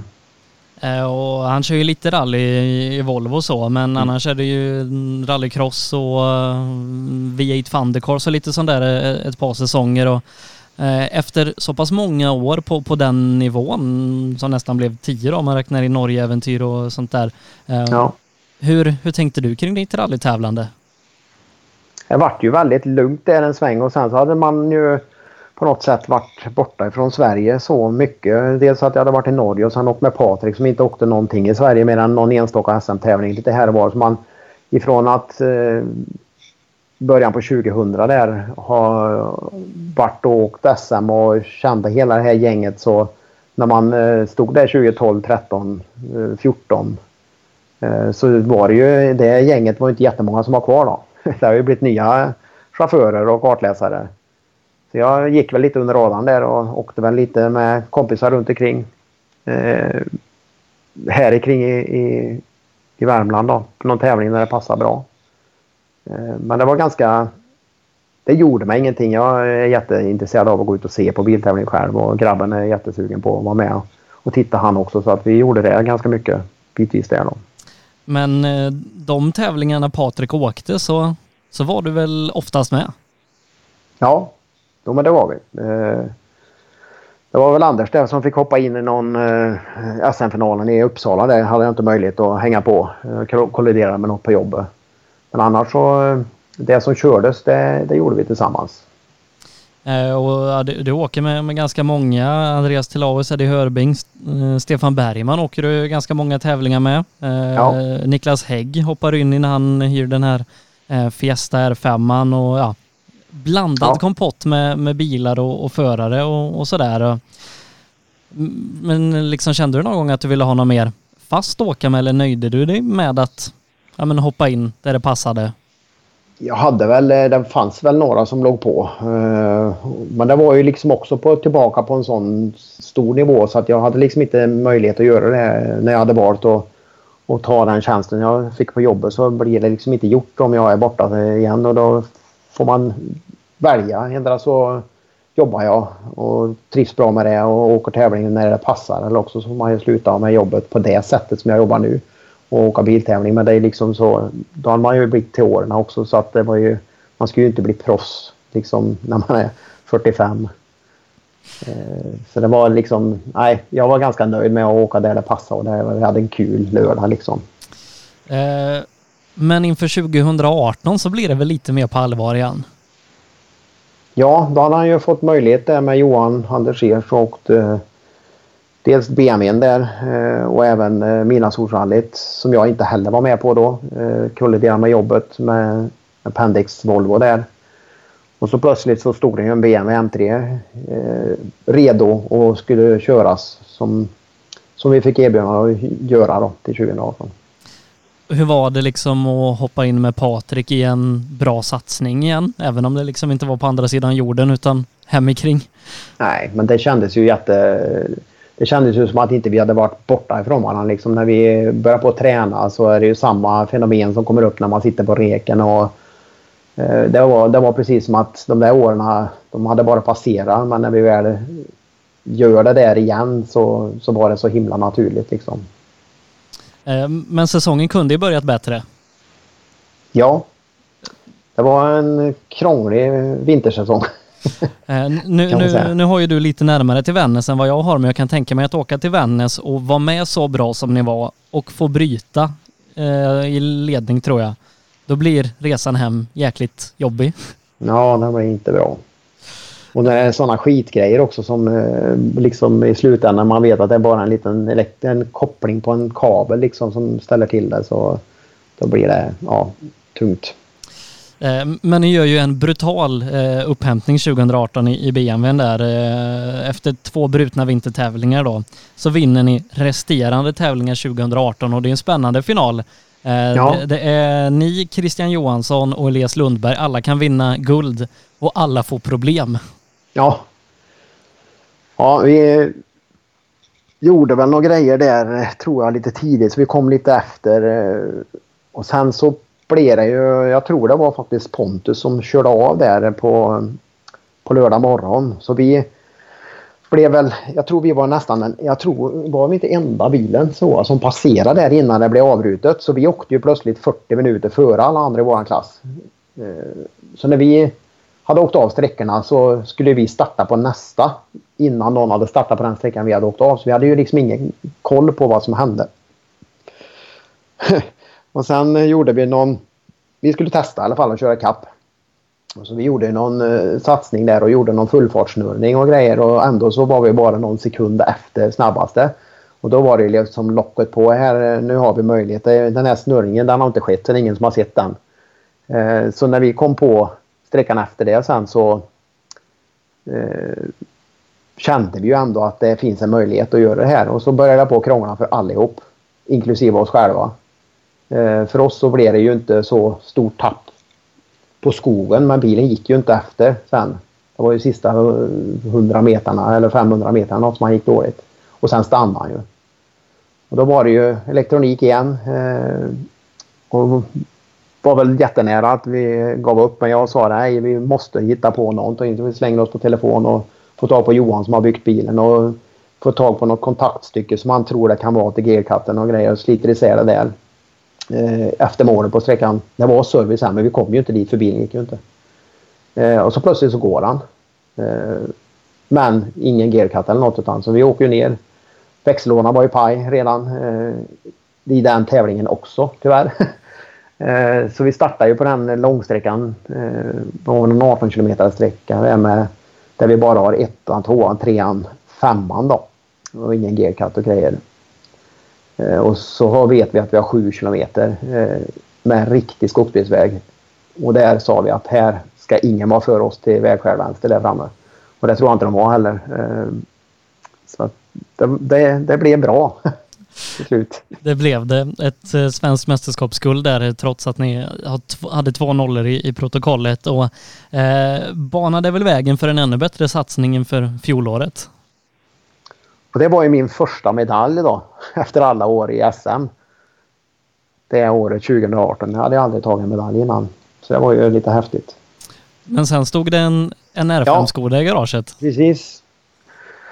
Eh, när vi åkte finalen eh, där så visste väl vi om att eh, det fanns en bil eh, som de skulle testa.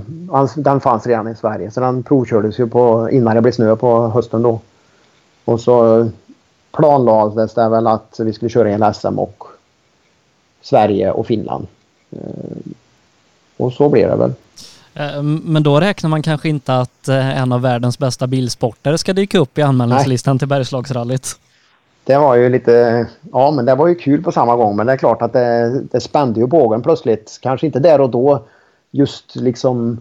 Det är klart att man förstår att han ska vara bra. Han hade ju kört eh, rallybil innan och gjort bra prestationer och sånt. Men vi hade ju inte kört mot varandra på det sättet.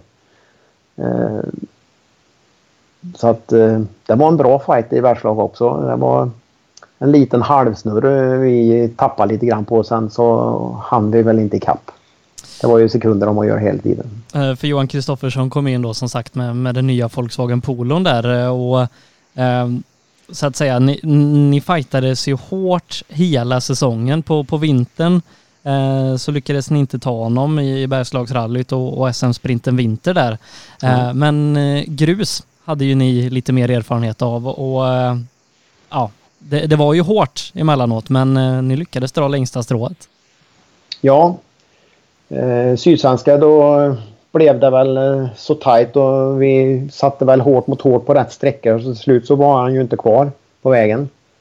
Eh, och sen så höll det väl på så. Vi vallade väl bort oss lite i Nyköping själva. Åkte på mjuka däck. Eh, och det var spott och bli typ 20 grader och det var väl nästan 30 grader på lördagen där så det var ju helt kört för vår del. Så där fick vi spö. Eh, Linköping sen då, då var väl planen ganska tydlig efter reken. Eh, att vi visste väl exakt vilka sträckor vi skulle eh, dra på ordentligt. Eh, och det egentligen föll väl ut till 100 procent tror jag, de, vår, vår, vår strategi just där. Men att möta en sån som Johan och senare PG Andersson, Fredrik Olin och mm. de som dök upp där, gjorde det liksom att, ja, ni har ganska mycket erfarenhet av att åka rallybil, men blev ni bättre rallyutövare under förra året med, med att kunna prestera i det motståndet? Ja, men det tycker jag. Eh, några av de där tävlingarna där, eh, Köping, Linköping, eh, det är nog det snabbaste vi har åkt tillsammans. Eh, om du även räknar med VRC-bilar vi har suttit och kört. Det var otroligt högt tempo och väldigt, väldigt få misstag, eller nästan inga misstag. Vi är ju ute och snurrar. Eh, eh, gör en handbromsvändning i stort sett i, i Nyköping på ett ställe. Eh, det är väl allt som sker i stort sett på hela säsongen. Sista tävlingen i Linköping, då har vi tröskelhäng ett par gånger kan jag väl säga. Eh, men det var ju på grund av tempot. Det, var, det fanns ingenting mer kvar att ta. Det skulle bara vara, man skulle bara vara först liksom. Det var, det var, ett väldigt, det var, det var, det var en kul upplevelse. Eh, ett SM-guld till blev det ju där och mm. Ehm, hur många gånger har Patrik ringt till dig och sagt att han ska lägga ner med rallykörningen? ja, nej men det har väl blivit några gånger. uh, och jag antar att det var likadant inför i år?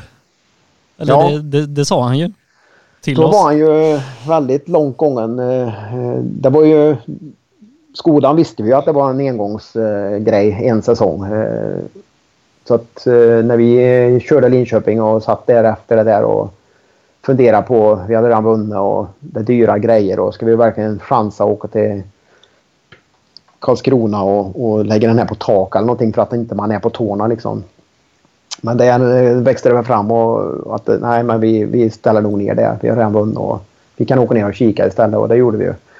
Eh, men då var det nog ganska tydligt att det var färdigt liksom. Eh, och det var det i många månader. Ända tills vi var eh, på prisdelningen och skulle få medaljen för SM-vinsten då i Sandviken där. Då vände det lite grann. Ja, för, för var det så att det redan var en bil typ köpt då? Nej, det var ju inte det. Det var ju en kompis till oss här, Björn Hängström, som finns i branschen, Tractive eh, Eh, som upplyste i flera omgångar om att den här bilen, eh, den här bilen är nog till salu om, eh, om du är sugen på att åka Volvo. Det är inga dåliga grejer liksom. Ja, men jag vet inte. Det, det har varit mycket nu igen och det kommer ju till den där nivån igen att det blir den här stresströskeln som, en, som blir jobbig att bära på liksom när man skulle åka den här skolan och helt andra pengar och det, det liksom hade dränerat ur. Så på det kalaset som var där uppe så var ju bilbyggare och ägare på plats till bilen som stod i Hofors. Eh, så kontakten knöts väl och så på söndagen eh, med lite neddragna mössor och lite halvtrötta så åkte vi och tittade på den där bilen. Eh, så den var inte förvärvad innan den här prisutdelningen men eh, det gick väldigt snabbt sen. På 14 dagar så var bilen möjlig att nyttja och gänget runt Patrik hade väl hjälpts åt och dragit ihop pengen som vi behövde för att köra 949 år. Då. Eh, och eh, ja, det har ju varit, eh, årets säsong har ju varit en, en resa i sig att, att kunna ta sig igenom. Nu, nu kunde vi göra det. Ja. Men det, det, går ju liksom inte lyfta på hatten nog för, för det ni gör. Fyra raka segrar, en total andra plats i, i Hässleholm. Och ni, ni dominerade ju SM i år. Ja, det gjorde vi nog utav ren glädje tror jag, känns det som. Det var fantastiskt kul. Det har blivit så mycket mer än bara biltävling eh, genom åren. Eh, vi har växt ihop på något sätt som som är så naturligt så var och en vet vad vi ska göra. Det skulle vara på kul. Eh, det är ett, ett helt gäng med i fanklubben som är med och gör mycket bra saker och supportar så mycket de kan. Jag bor ju så långt bort från Hudik som jag kan ju liksom inte bidra något så, mer än där och då när man väl är på tävling. Men när vi väl är där då, då vill ju vi prestera som han har gjort förut och när han får möjlighet att åka på sådana här vägar med en sån här bil som, som återigen sitter fast på kroppen på honom. Han, han har ju ställt in bilen så den är ju helt fantastiskt bra. Eh, en bra förutsättning för att kunna göra det här helt klart. Och då, då är det bara kul alltså när det drar iväg. Men en sak som jag har förstått är att Patrik är inte bara duktig i tävlingssammanhang på att, köra fort, utan förberedelserna, tester och inställningar måste han väl vara oerhört vass på? Ja, det har ju kommit med alla mil och alla test som han har fått kört med alla de här olika bilarna ute i världen. Och de, innan VM så kör man ju både test innan och test på plats. Och det är klart så mycket mil som vi låg och körde då. De där åren både på test och tävling. Det får man ju åka väldigt många SM-säsonger för att ens komma upp i närheten av vad vi gjorde på ett år liksom. Så han har ju med sig det och 940 hann de väl inte göra i ordning egentligen till vi skulle köra med en eh, i Vännäs. Eh, dels så gick ju motorn paj lite grann så den vart ju tvungen att paniklagas och sen så var jag på väg upp samtidigt nästan som motorn. eh, och den sattes ihop. Så på torsdag morgon var det väl så körde vi ju ett litet test eh, på vägen upp till Vännäs. Och det var ju inte många kilometer vid handen men han kände direkt vad han behöver göra för att han ska bli ett med bilen liksom på något sätt. Det var ju en bra förutsättning på bilen, var bra, bra grund på. Och gör väl det han kan göra på det lilla testet vi kör där och sen åker vi upp och så, ja det får bli som det blir. Det är några vägar som passar oss bra och sen så drar vi iväg på första sträckan som vi var helt säkra på att vi den hade vi fått spö väldigt mycket med PMen. Eh, och här, här ska vi bara över för sen är det bättre väg för oss. Och så är vi ändå snabbast på första. Utan att eh, vara i en enda kant och åka liksom. Så ja, det är klart att det, bilen funkar bra efter att han har gjort inställningarna. Uh, nu, uh, nu är det ju så att vi, vi i rallyradion lägger oss inte sist på kvällarna så på, eller först på kvällarna på, på hotellet och det gör ju inte era mekaniker heller. Uh, det, det, är inte de som sitter uppe längst, det, det finns andra, andra team som, som aspirerar på, på det.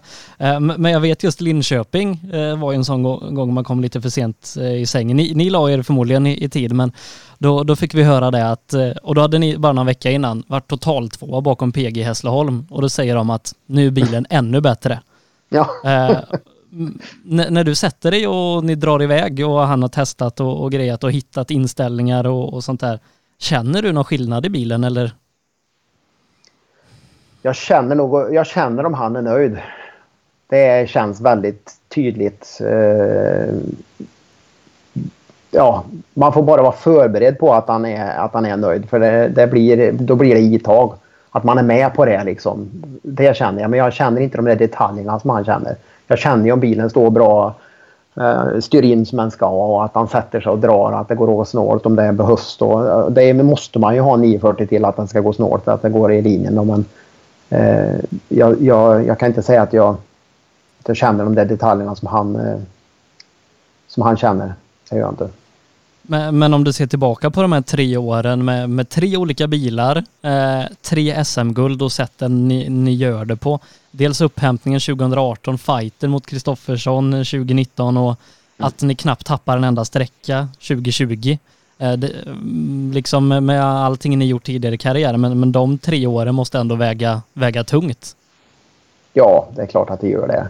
Det är klart att enskilda VM-tävlingar och, och, och sträckor och sånt som man kommer ihåg eh, ifrån de där åren med Grupp M-bilen. Men man får väl bara säga ödmjukt att vi fick åka mycket bil eh, till en vettig peng eller inte någon kostnad överhuvudtaget. Men det var ju i sannerligen inte den bästa bilen i klassen. Det var snarare att det var den sämsta bilen i klassen som man fick stå upp och, och köra. Men nu när vi har kört i Sverige de tre sista åren så har vi bra material.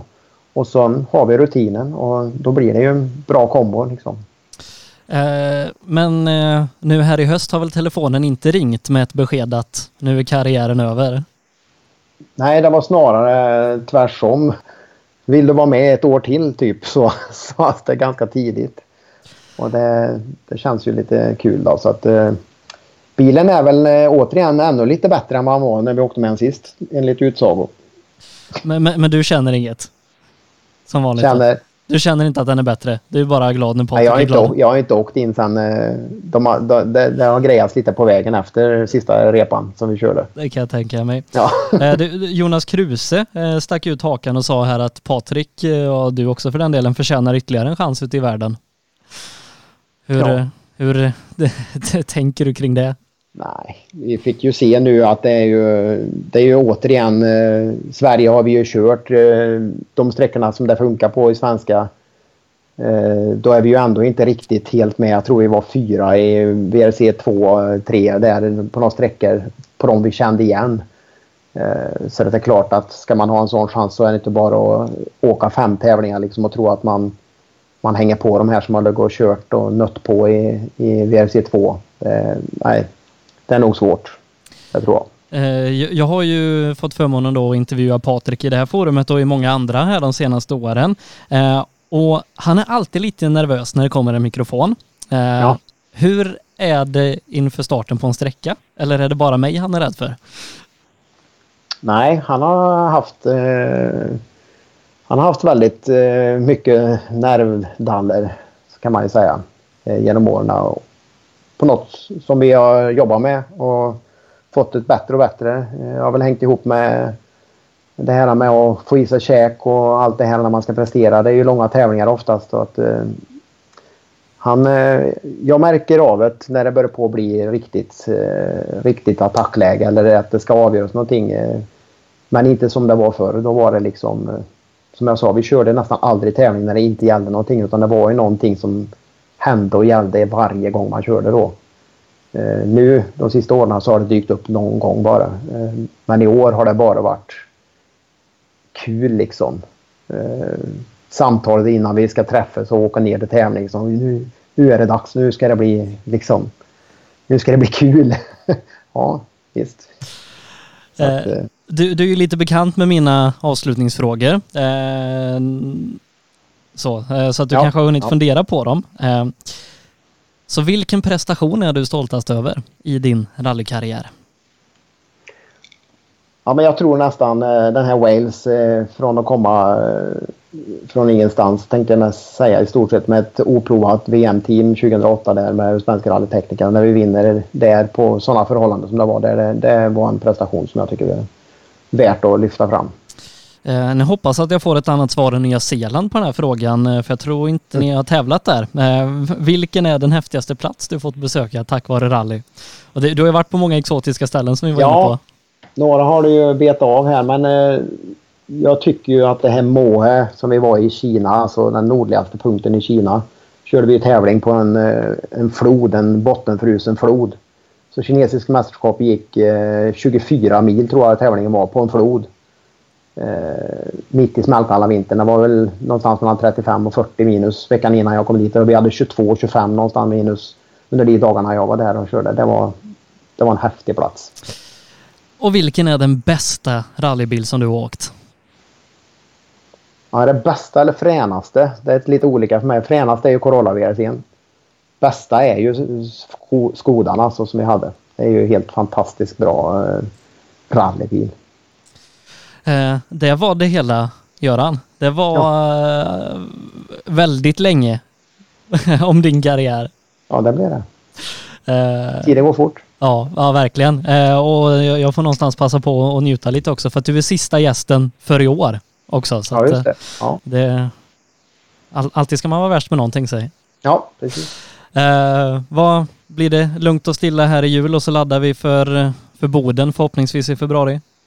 Ja, det är lugnt och stilla. Det blir att jobba. Det är alltid mycket att göra i slutet på året. Eh, så att, eh, nej, jag har inga större planer. Man får ju hålla sig hemma nu också. Så att, får vi se om det blir någon vinter eller några tävlingar runt omkring. Och Svenska rallyt om man ska få gå ut och se eller inte. Och det finns mycket frågetecken nu. Det gör det verkligen. Ja. Men eh, det, någonting som inte varit ett frågetecken, det har i alla fall varit senaste två timmarna. Det, det har varit oerhört trevligt att få, få prata med dig Göran och gå igenom din eh, långa eh, och framgångsrika bilsportkarriär. Du, du, måste vara bland de enda som är mästare i tre länder. Ja, är det tre? Ja, Norge, Sverige, Ryssland. Ja, precis. Ja. Ja, det finns säkert fler som är det. Men det är ju lite så. Så tänker man ju kanske inte. Men det, det har ju blivit några medaljer. Det var eh. väl mest eh, förvånande att det skulle ta ända till 2018 innan man fick en svensk. Eh, du, ha en fortsatt trevlig kväll. Gott nytt och allt sånt där om vi inte hörs innan. Så, så hoppas jag att vi, vi ses i Boden och att vi ser fram emot ett bra rallyår 2021. Ja, tack så mycket. Du, ha en fin kväll. Tack så mycket. Detsamma. Hej då. Ja, mina damer och herrar, det var eh, en och en halv timme eller någonting tillsammans med Göran Bergsten, kartläsare i många år med Patrik Flodin och många andra som vi fick höra här. Eh, det var som sagt den sista livepodden, den 32 i ordningen för året 2020.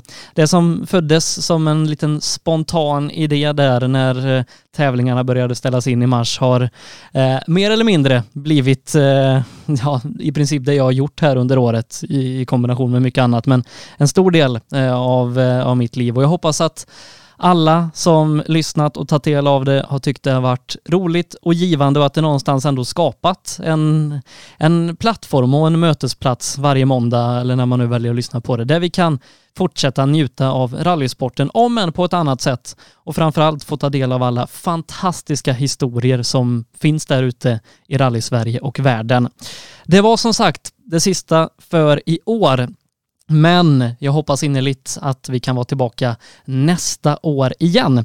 Någonting som jag däremot vet är att den 22 december, då är det för sjunde eller åttonde året i rad traditionsenlig uppesittarkväll med rallyradion. Eh, jag, Per och Erik Telehagen finns med dig live härifrån studion i Borås och ska som vanligt rimma. Eh, det ska dras dåliga ordvitsar, det ska sjungas mer eller mindre bra låtar och pratas rally. Eh, och kanske att vi har ett par spännande nyheter att presentera där. Om inte annat så vill jag tacka jättemycket för visat intresse här under året och också återigen poängtera att vi säljer de här Fuck Cancer-dekalerna eh, tillsammans med vår partner Sunnyside Experience. Man köper den för 325 kronor, är med och stöttar kampen mot cancer eh, genom att få en sån här fin dekal och dessutom får exklusiva poddar, precis som den här, eh, fast sådana som vi inte lägger ut då i våra andra kanaler, utan bara om man köper en dekal får man poddar och intervjuer som vi gjort tidigare under hösten och gör hela vägen fram till jul och nyår. Det kommer vara ganska mycket spännande intervjuer som kommer just kring jul och nyår för att man ska kunna ta sig igenom julen eh, när den ser lite annorlunda ut i år. Så vill man stötta kampen mot cancer, få ännu mera rally underhållning och spännande intervjuer och samtal, då swishar man 325 kronor till 0763 57 12 28. Uppge också eh, eran adress och Eh, vilken färg ni vill ha på dekalen så kommer den på posten eh, här under veckan. Eh, jag vill också säga stort, stort tack till mina sponsorer som varit med och stöttat det här under året. Utan dem hade det aldrig varit möjligt.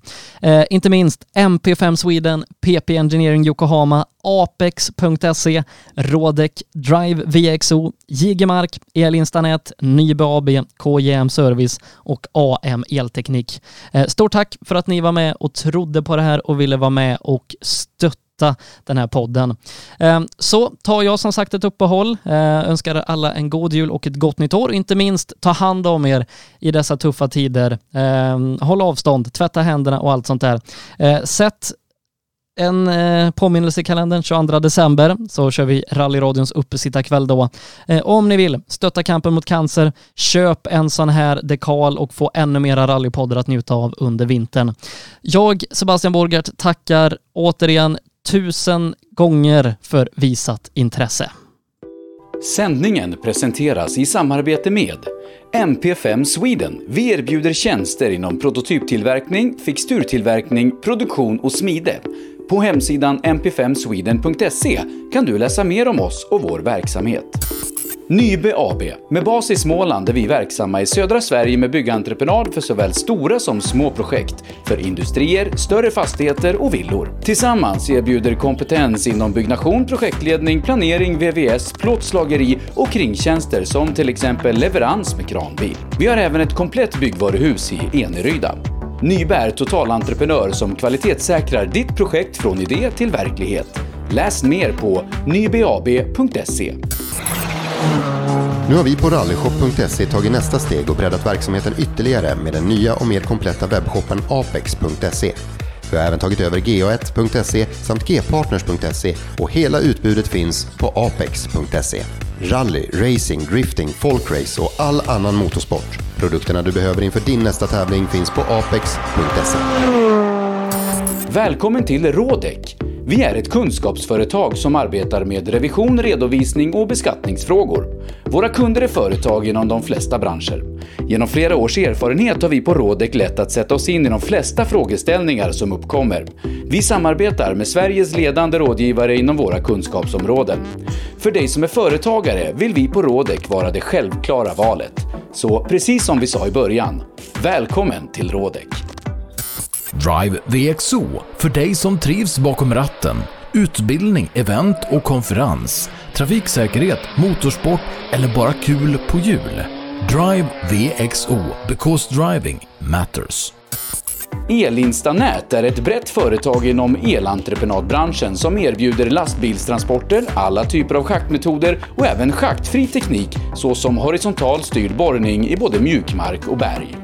Vi är Årets Företagare 2020 i Melleruds kommun. Vår ambition är kostnadseffektiva lösningar och hög kvalitet. Elinsta Nät. KJM Service säljer och renoverar Öhlins fjädring för rally, rallycross, crosskart, bana och gata.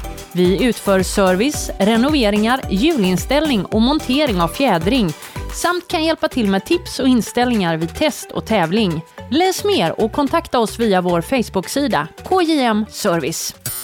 AM Elteknik erbjuder tjänster inom el och kommunikation för företag och privatpersoner. JG Mark är ett företag som utför mark-, sten och betongarbeten. Läs mer på jgmark.se. PP Engineering. Vi säljer och levererar däck och fälgar från Yokohama Motorsport och Speedline. Vi är specialiserade på tävlingsdäck för rally och racing, men erbjuder även fälgar för lastbilar och däck för din historiska personbil. Alla våra produkter är framtagna för hög prestanda.